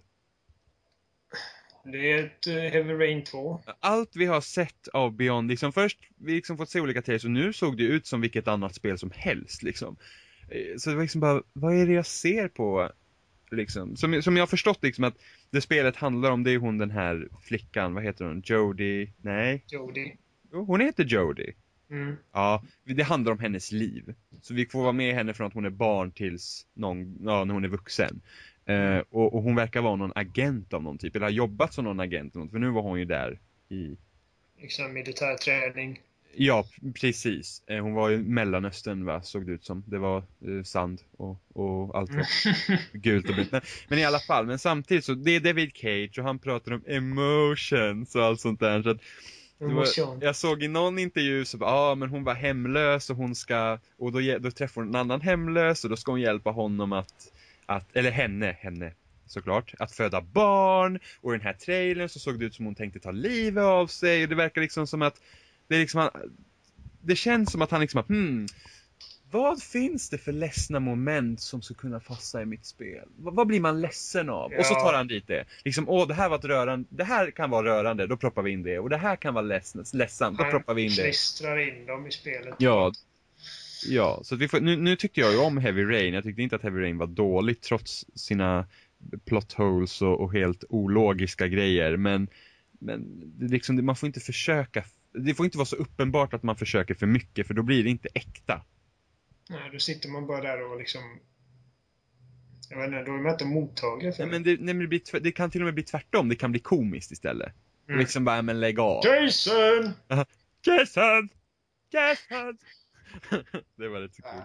Alltså, Men så att, men ändå, det, det ska ändå bli spännande att se. Men ändå att varje gång vi har sett spelet så ser det helt crazy ut. ja, men de eh, spenderade... Om du frågar mig spenderar de på tok för mycket tid bara på att liksom visa typ spel som vi redan vet är på väg till Playstation 3. De visar någon trailer för Last of Us, vilket i och för sig inte är så konstigt i och med att när, när presskonferensen sändes så hade inte ens spelet släppts. Nej. Jag hade redan klar, spelat klart det. Jag, jag klarade det typ dagen innan. Men, men det är inte så konstigt att de i alla fall visar upp lite från det för att Dels för att det har fått så fantastiska betyg. Det, alltså, det är väl ett av de högst ratade spelen på PS3-ens historia. Ja. Och eh, han snackar lite om det och att ja, det kommer på fredag. Så det förstår jag att man vill visa. Men det är liksom för mycket tid på gamla grejer. Eh, kände jag. Ja, det, det, det kan mycket möjligt vara så. Eh, sen, menar, Microsoft de snackar lite om 360 också, men det gjorde de ju klart på ett ögonblick. ja. Verkligen. Eh, sen visar de upp en trailer på The Order 1886. Eh, Vilket verkar vara något steampunk-liknande spel i London va? Eh, Eh. Vad kände Van Helsing typ? Ja, det, det vet vi ingenting om. Vi fick se den trailern. Men det är i alla fall ett nytt IP. Det ser i alla fall rätt så intressant ut. Steampunk är något som jag tycker om. Eh, sen visar de någon sizzle reel på massa indie-titlar som, som, som ska komma. Eftersom de, de är en väldigt öppen indie-plattform som indieutvecklare kan eh, eh, ge ut sina spel själva på Playstation 4. Eh, Och Mm. där, det, visst, det såg, det, såg, det såg ut som var bra titlar liksom. Och det som liksom fastnade för mig mest då, det var ju Transistor som är eh, från samma eh, utvecklare som gjorde, vad heter det nu då? Nu glömde jag bort det. Eh, Bastion, så heter det. Mm, det. Eh, och jag gillar ju Bastion. Transistor, blir, det, det kommer säkert bli bra. Eh, men, men annars var det inte mycket mer. Och sen visade de upp Final Fantasy vs 13 en, em, äntligen. Som de visade typ upp första gången 2006 eller någonting sånt där. Och det heter Final Fantasy det är 15 nu. 15 nu. Ja, det. Ja. Eh, vilket många redan hade gissat, det måste ju, det blir, de, de sätter säkert om det till 15 och det stämmer ju. Och, och där verkar de ju fixa lite grejer som jag hade problem med Final Fantasy 13. Det var ju det att Final Fantasy 13 var så pass linjärt att det var bara irriterande när man kommer in i olika battlesekvenser. Liksom. Att varje gång jag går in i en fiende, ja så blir den här lilla laddningsskärmen, eller ja det är liksom och sen så, ja där är battles. Ja. Och så står man där och trycker på A-knappen bara eftersom det var inte var värt att välja sina egna attacker. Och nu verkar det mer som tar, ja, det som jag ville redan ha med Final Fantasy 13, varför inte gå typ som en väg som Mass Effect, att du har fienderna på skärmen och du liksom slicear med svärd och vad du nu vill göra direkt. Så det blir mer som ett actionspel. Nu vet jag att det är säkert många som inte tycker om det, men Ja, om, om man redan gjorde så i Final Fantasy 13 och har det, då kan man lika bra gå vägen fullt ut. Eller så går man tillbaka mer och gör spelen som de var tidigare med kanske turbaserat då, om man vill ha det. Så att, så att det, det såg betydligt mer intressantare ut i mina ögon. Nu vet inte jag, jag är väldigt eh, ofamiljär med Final Fantasy-serien, men hur går man från 13 till 15? Eh, för att 14 är ett, on, ett MMO. vilket de också visar grejer från, det var ju det här eh, uh, A Realm, de, de släppte ju Final Fantasy 14 och det blir ju typ sågat uh, för att det var ju buggat och, och det, vissa saker funkar inte. Så att de, de typ gjorde om hela spelet och nu släpper de det igen som Final Fantasy 14 A Realm Reborn. Eh, vilket också kommer till Playstation 4. Så det är ett MMO bara. Okej. Okay. Ja. Så att... Eh, det jag reagerade på mer var ju Kingdom Hearts 3. Ja! Eh, det gjorde säkert många glada. Det har inte, Kingdom Hearts 2 släpptes 2004, 5? Ja, ja. Någonting sånt. Det, det har en väldigt trogen eh, fanbase. Alltså. Ja, det, sen har det kommit en massa, vad är jag tror någon PSP-titel och DS-titel och sådana grejer. Um... Jag, jag har ju aldrig varit intresserad av den här typen, sån här typ uh, stora frisyrer och japansk uh, rollspelsnatur, men chansen är ju större att jag skaffar Kingdom Hearts 3 än Final Fantasy 15. Ja, de ska ju släppa de ska ju släppa nu den här återsamlingen för Kingdom Hearts 1 och sen var det, om det var DS eller P, jag tror det är PSP-spelet de ska släppa i samtidigt som Kingdom Hearts eh, 1.5 Collection eller någonting sånt. Jag har inte spelat Kingdom Hearts så den kommer jag köpa, men jag vill ha tvåan också. Så frågan är om de kommer släppa tvåan innan, för att det är ju väldigt konstigt att inte göra det. Tycker jag. Mm. Eh, jag förstår inte varför tvåan inte var med i den samlingen från början. Så, så det, det där blir många glada. Eh, sen visar de Destiny. Och det var väl ändå det stora spelet de visade där, känner jag. Vad hade de? Alltså, de visade någon tech-demo med den här uh, gubben, Emotion. Ja, just det. The Sorcerer eller något sånt där hette det. Jag har ett uh, förslag här grabbar. Ja. Vad säger vi om att vi tar en liten paus och fortsätter om uh, en liten stund? Ja. Ja, okej. Okay.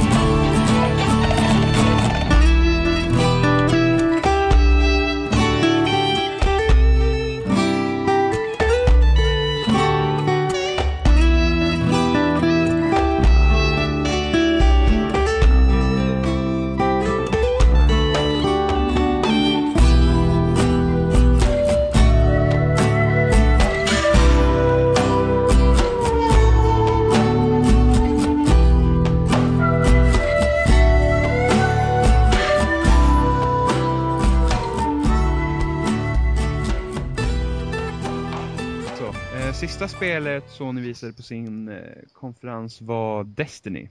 Och det är ju Bungie-utvecklat som har gjort Halo. Mm.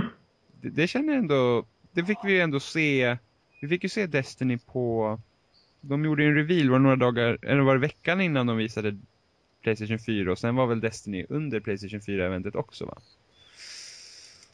De, eh, de visade lite så här concept art och de snackade om det på mer detaljnivå. Eh, Det var väl torsdagen, Mm, veckan ja. innan visade PS4. ja, precis. Eh, och det de visade här var egentligen liksom att det, är- det är också typ open world va? Ja, Och sen det att den multiplayer de har i Destiny verkar vara liksom att folk bara dyker upp i din värld liksom. Eller är du uppe på ett uppdrag så kanske någon annan som är på samma uppdrag dyker upp liksom. mm. Eh, och den roliga överraskningen här var ju det att det fanns ju gruppupp, eller liksom större uppdrag som du kunde delta i om du ville liksom när du går förbi någonstans. Som att de tog ut den här typ spindelliknande tanken tillsammans med flera andra. Så det liknar ju mer, det liknar ju mer ett MMO i det, i den aspekten. Frågan är ju bara, kommer det finnas någon player versus player eller är det bara player versus ja, environment? det är frågan. Är det, är det, kommer det vara Borderlands eller eh, The Division? Precis. För det såg ut, det var ju väldigt vapnen och sånt liksom fanns ja, vad sköt den typ el, elkul eller något sånt där. Väl, det, såg, det såg ut som en blandning mellan Halo och Borderlands. Mm. Det tycker jag. Det ser trevligt ut men det är liksom jag inte, det är inte något som man har blivit wow över än känner jag. Nej, Jag- alltså jag, jag kommer köpa det, men jag är fortfarande inte helt såld på idén liksom, för att jag... Det är fortfarande många frågor. Mm, men jag tror nog, att- jag tror att man, när man sätter sig och spelar det då får man nog en känsla av det mer. Ja, det är klart, men... Ja. Har de, de har inte gått in på det liksom. Är det liksom en strictly cooperative? eh, Man, man kan ju spela själv också. Om jag, om jag Mm. Jo, men alltså kommer det liksom fungera så som i Division? Liksom att man eh, kommer möta fiende, eh, fiender på eh, Xbox Live eller Playstation Network eller whatever? Det är frågan för man verkar inte vara liksom i olika faktioner liksom i Nej. Destiny. Alla, man verkar ju höra till samma liksom. Och man ska liksom se till att världen klarar sig helt enkelt. Så att jag så, om det inte finns någon typ sorts arena där man typ tävlar mot varandra eller någonting.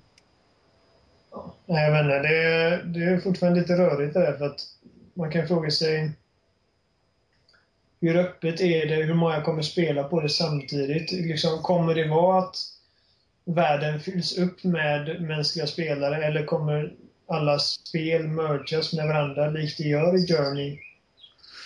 Ja, eller om det är x antal spelare på x eh, server eller något sånt där. Ja, eller eh, och hur kommer det här påverka storyn? Liksom, alltså förmodligen, det ser ut som de försöker berätta en tight story.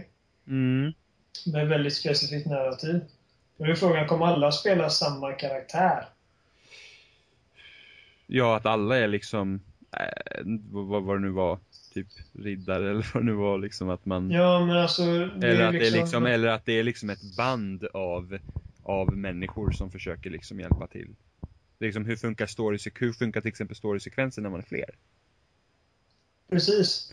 För att, så, Eh, för att om det är som i Old Republic var det ju, då, då kunde man ju, ja det är MMO då, då kunde man ju eh, teama upp med andra personer och så stod man där och så när man skulle prata med någon eh, story-gubbe och då fick man ju rösta om vilket alternativ som skulle väljas och sådana grejer. Till exempel när det var dialog. Frågan är ju bara det att här i Destiny, liksom, om ni springer in någonstans i mellansekvens, kommer då den du springer med, kommer han bara vara borta ur sin sekvens och vi ser en varsin mellansekvens med vår egen karaktär i? mm. Det är ju det. Det är frågan. Hur Det är, det är många frågor. Alltså det, det ser kul ut, men jag, är fortfarande väldigt konfunderad över hur det kommer fungera. Ja, Ehm, så att... Jag är, jag är optimistisk, men ändå väldigt ja, fundersam. ja, men det blir, det blir Jag, jag, jag är liksom... eh, Det finns ju folk som säger att ja, men det är Bungie liksom. Ja, Det, det kommer bli fantastiskt. Och jag, vet, jag, jag tycker givetvis att Bungie är väldigt duktiga speldesigners, men bara för att de har liksom haft en hit som heter Halo betyder inte att allt de rör vid förvandlas till guld. För jag tycker inte att något av deras föregående spel innan Halo liksom har varit något uppseendeväckande. jag har inte, jag har inte spelat någon, något av dem och sen vet man inte hur de var för sin tid. Det vet jag inte. Nej, nej men de har aldrig varit dåliga. Men Nej. kan de liksom... Kan de starta en grej som när de startade Halo och göra... Kan de, kan de göra en hit igen liksom? Kan de återupprepa sina framgångar? Jag är inte, jag är inte, jag är inte övertygad om det alltså. Det är ju frågan. Alltså, de har ju Activision bakom sig, så det är ju inte omöjligt. Ja, men det har ingenting med... alltså- nej, nej, nej, men alltså... Pengar nej, men, nej, precis. Men alltså det, den marknadsföring de kan lägga på det liksom. Och sen att... Eh, jag tror nog att det kan. Jag tror, jag tror nog att de... Ganska... Jag vet inte, jag, jag har förtroende för dem. Det har jag ju. Får ju se hur det blir. Alltså jag, det mesta jag gjorde, det är liksom hur storyn kommer funka då. Liksom. För att behöver jag ett annat spel där jag kan springa runt och skjuta på saker liksom, med kompisar. Utan någon liksom mening sådär. För att typiska MMO-spel har ju liksom ganska, liksom du får storyn i textform och du ska döda x antal fiender. Liksom, du springer av men döda 10 får och så dödar du 10 får och så springer du tillbaka och så ska du till något annat ställe och hämta tre växter och så ska du tillbaka. Det, det, det får ju hoppas att det inte blir någon typ av sånt gameplay. Eller uppdragsdesign, design, för att då är det ju tråkigt. Mm. Eh, Men det var väl Det inte något... är, alltså, jag tycker det Division kommer liksom undan med det. De behöver liksom inte ha någon sån här helt, helt makalös uppdragsdesign för att de har liksom hela det här med att det är PVP och det är hur kommer folk reagera mot varandra och den aspekten, ungefär som Daisy har. Ja. Men ifall, ifall Destiny bara har den här eh, co-op-aspekten, liksom att alla, alla som spelar, spelar för din sak. Då får man verkligen hoppas att det inte bara är liksom att gå dit, döda dem, gå dit, hämta det, gå dit. För då blir det ju snabbt hur tråkigt som helst. Ja, precis. Så vi får ju hoppas att det blir, vi får hoppas att det blir bra. Det släpps ju nästa år först. Eh, och då har vi bara en konferens kvar, eller ja, konferens. En, ett, ett företags presentation kvar att prata om, det är Nintendo. Oh. Har du sett den Robin? Eh, nej, jag har bara sett lite trailers på lite spel faktiskt. Så. Den inte sett började med eh, Pokémon Neo X. Ja, Eh, vilket i och för sig ser ut liksom... Det ser ut att erbjuda en större förändring till serien så, än vad vi har sett på ja, nästan någonsin.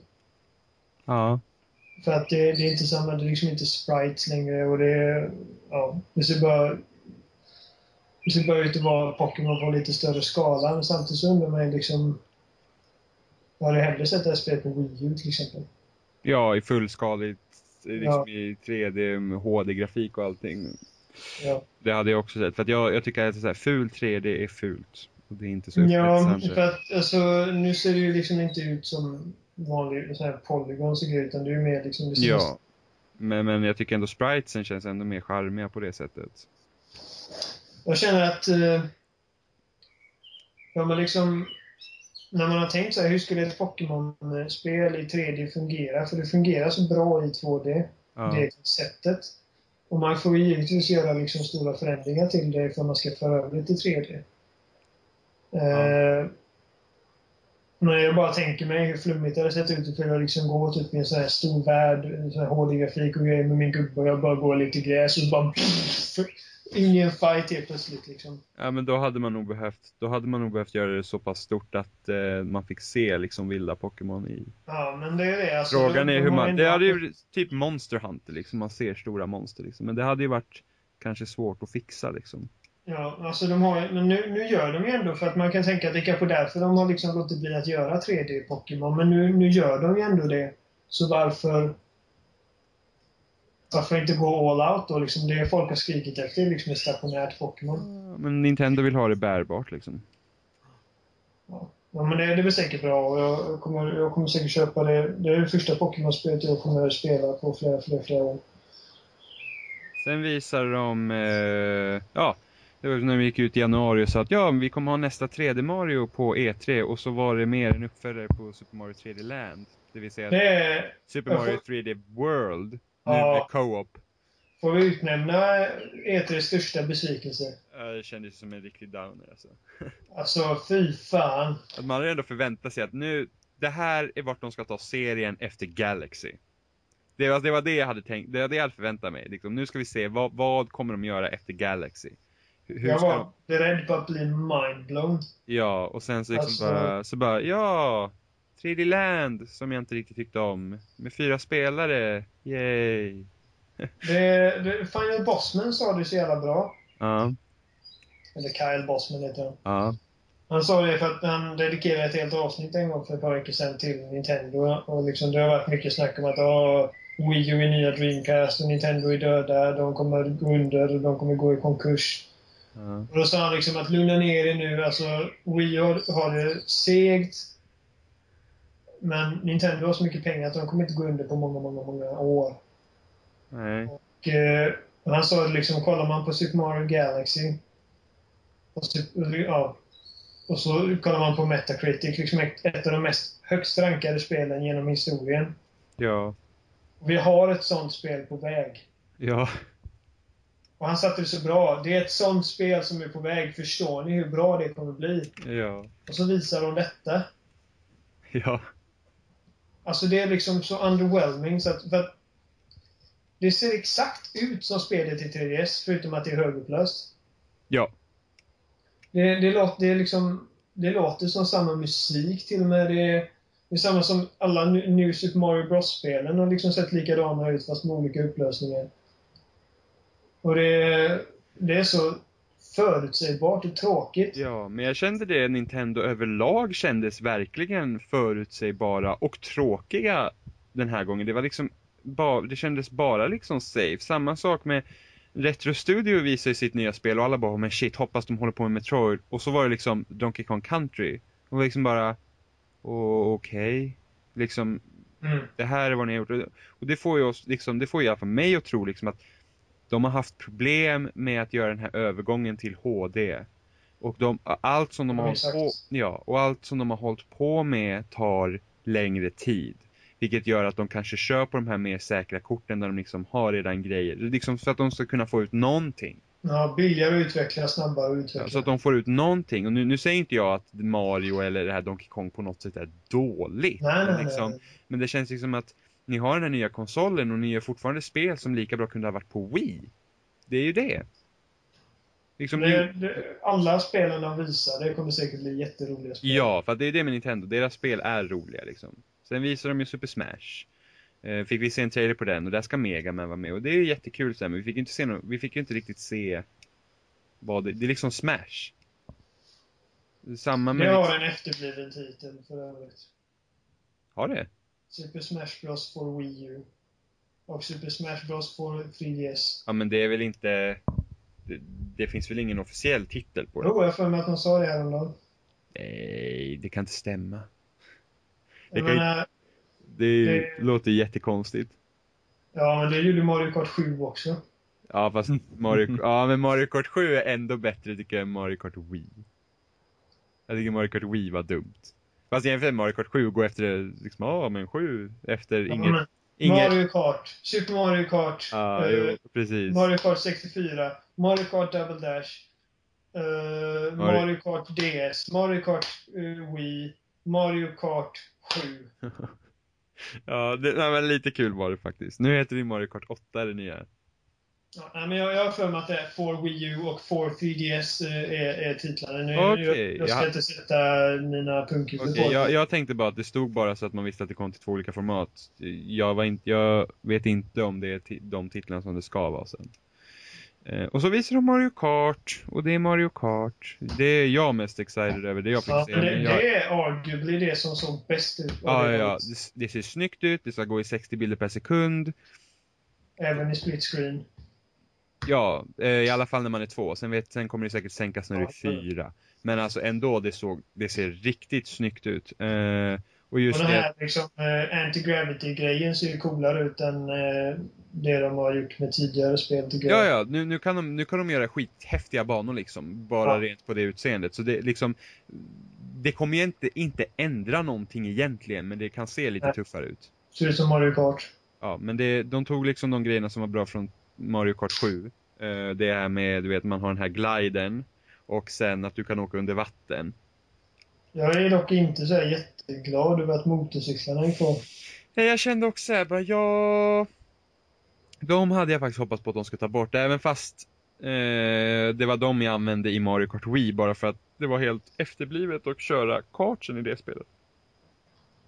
De var jättekonstiga att styra. Eh, jag hoppas ju verkligen inte att mm, kartsen i Mario Kart 8 kommer kännas weird så att man måste ta motorcykeln för att kunna spela något, eller köra något som man vill. Men eh, Ja, nej, jag som har liksom, jag sa inne på förhand liksom att nej men i år kan inte Nintendo göra oss besvikna och så kommer de att göra det här. Det var liksom bara så här, jaha, okej, ni hade liksom inget mer. Alla de här spelen blir säkert roliga och sådär, det kommer vara skittrevligt att köra men liksom de mesta kommer nästa år redan så de så att, ja, det var, det var lite tråkigt, väldigt, väldigt safe. Och nu ska inte jag säga att de andra företagen heller är särskilt vågade i det de gör. Det ska jag inte säga, men man, jag vet inte, någonstans inom en så hoppas man ju alltid att Nintendo gör alltid det där extra. Jo, De men Nintendo liksom, de är tekniskt efter, fast de har i alla fall intressanta idéer. Ja, precis. Och de har de ingenting. nej, men de verkar inte ens ha någon idé om vad de ska göra med den här kontrollen. Det, för mig det som skiljer, alltså okej, det är ett 3D Mario, det är ett Mario och det är en 3D-värld. Det är liksom ingen side-scroller. Ja. Men de, det är liksom byggt fundamentalt som ett, som ett liksom handheld. Eller, eller som en eh, liksom, eh, 2D-plattformare då. Att dels tar du skada så blir du liten istället för att liksom förlora ett liv.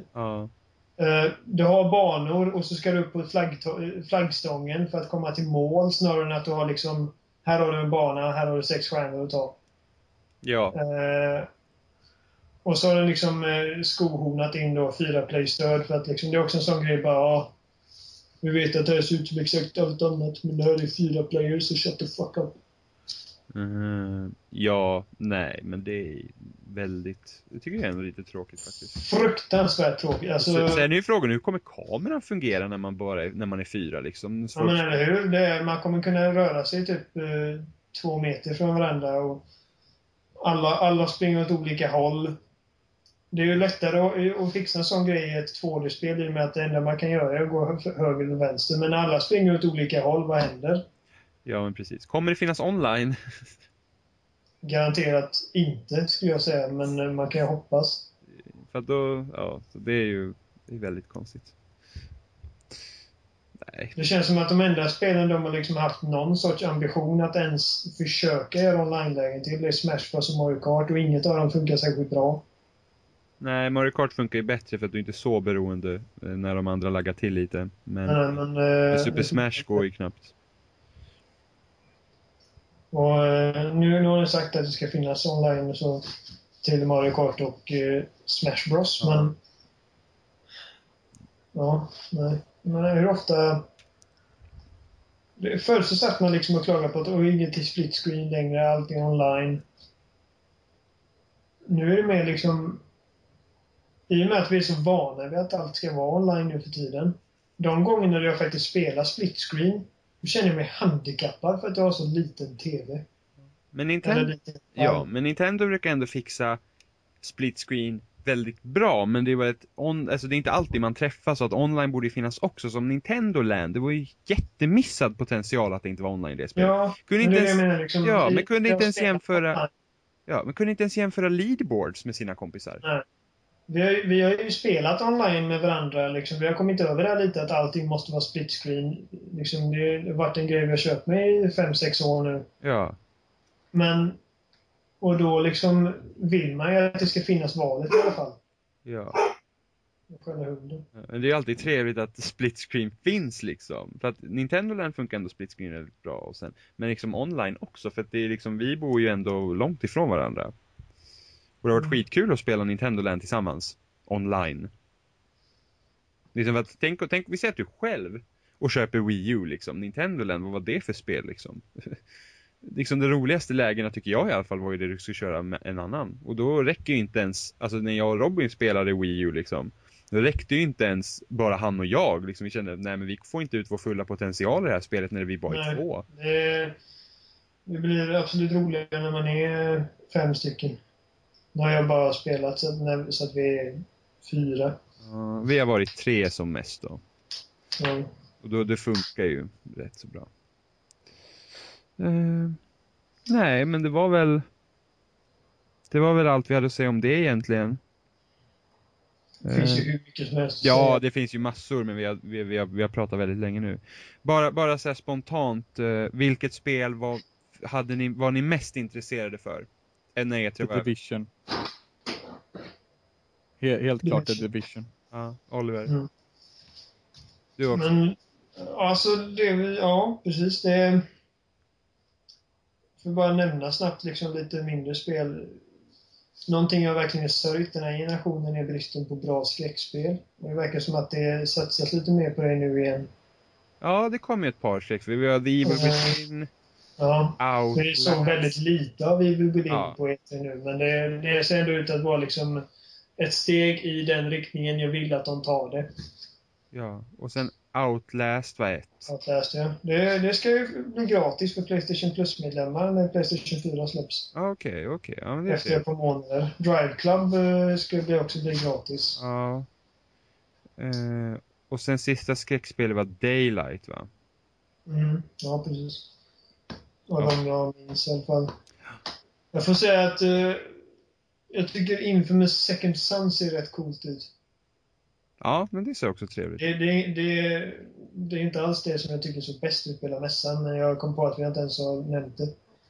Nej, det var väldigt fina detaljer och sånt där. Med, med Ja, kläderna väldigt och sånt. Alltså Ja. jag förväntar mig inte det, för att de andra två spelen är... Nu vill jag inte göra någon sur, men alltså de är inte snygga alltså. Nej, De precis. är verkligen inte snygga. De, eh, men de, de är ju mer liksom funktionalitet och sådana grejer snarare än snygg grafik. Men det här spelet ser riktigt snyggt ut. Eh, jag tycker att den, den nya hjälten har ju istället för den här elbaserade hacker så har han ju rök och eld och sånt. Det ser, det ser ju häftigt ut. Mm, och sen snackade vi någonting om också att han skulle typ kunna absorbera upp andra förmågor och sånt också, va? Ja, precis. Som Ja. andra conduits då. Och då, då kan vi fråga ifall det är någonting som, kommer liksom, som man kunde, kommer kunna byta mellan olika krafter. Eller om vi säger att du absorberar is så kommer du permanent vara is tills du absorberar nästa. Liksom. Ja, det beror på. coolt att kunna byta mellan. Ja, verkligen. Eh, Så det, det ser riktigt häftigt ut. Och jag tycker, även om det liksom inte ser ut att vara särskilt... Det ser inte alls revolutionerande ut på något sätt, men det, det ser väldigt snyggt ut, Kills och Shadowfall. Ja, det gör det. Rent tekniskt är det ett av de spelen som sticker ut mest för mig i alla fall. Ja. Och jag vet att det är jättemånga som tycker att Witcher 3 ser helt fantastiskt ut. Och det blir säkert. Mm, mm, och det skulle vara helt open world också. Ja.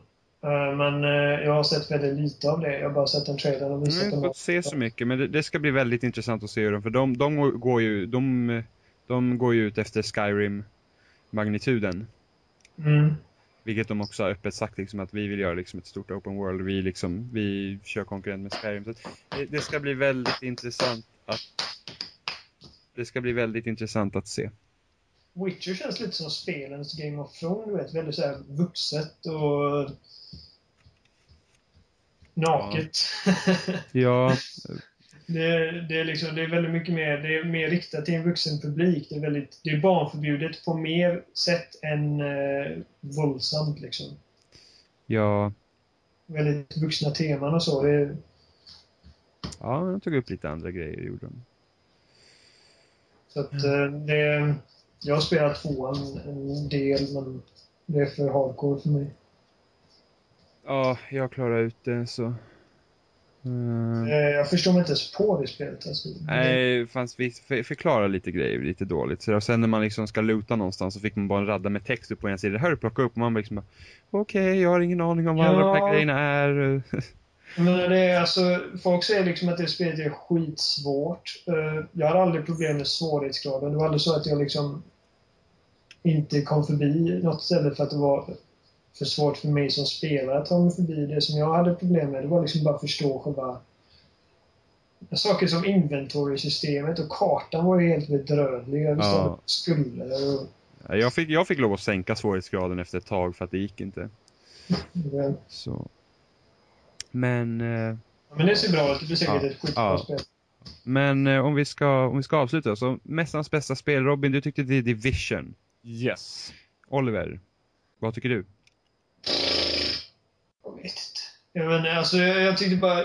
Det spelet som bara liksom fick mig att hoppa till mest var Metal Gear Solid 5. Eh, bara för jag tyckte det såg så fruktansvärt snyggt ut och... Ja, Ja. precis. Jag, eh, jag ser också The Division. Och sen vill jag peta in ett Mario Kart 8 där också. Bara för att jag älskar Mario Kart. Ja, ja, men The Division såg det, det, det var ju som den här den här mässans Watch Dogs liksom. Förra året så kom Ubisoft och överraskade alla med Watch Dogs och den här gången var det Division. Precis, när de två år i rad lyckas bara överraska liksom, man liksom, åh vad är det här? Liksom, har gjort det på ett väldigt snyggt sätt. Så det, det är kul att se. Ja. Eh, Men så, The Division, Metal Gear Solid 5 och Mario Kart 8 då. Mm. Och då, då sätter vi punkt och så hörs vi tills nästa gång. Hej då! Hej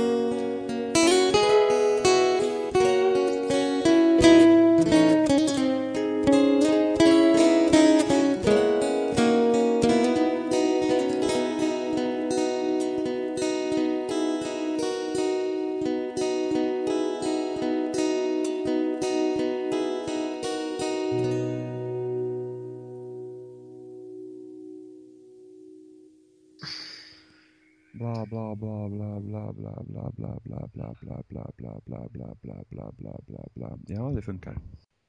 Kom igen killar, vad håller vi på med? Jag fattar ingenting. Väntar på att Jimmy ska ha provinspelat. Mm, Swag YOLO, lol. Nej, jag ska... Ah, gott. Swag, YOLO LOL, de tre sämsta orden som människan har hittat på. Ah, swag YOLO, lol. Mitt motto. Swall. Swall. Ah, mamma, mamma! oh, mamma. Ja. Du, du, du. Du, du, du,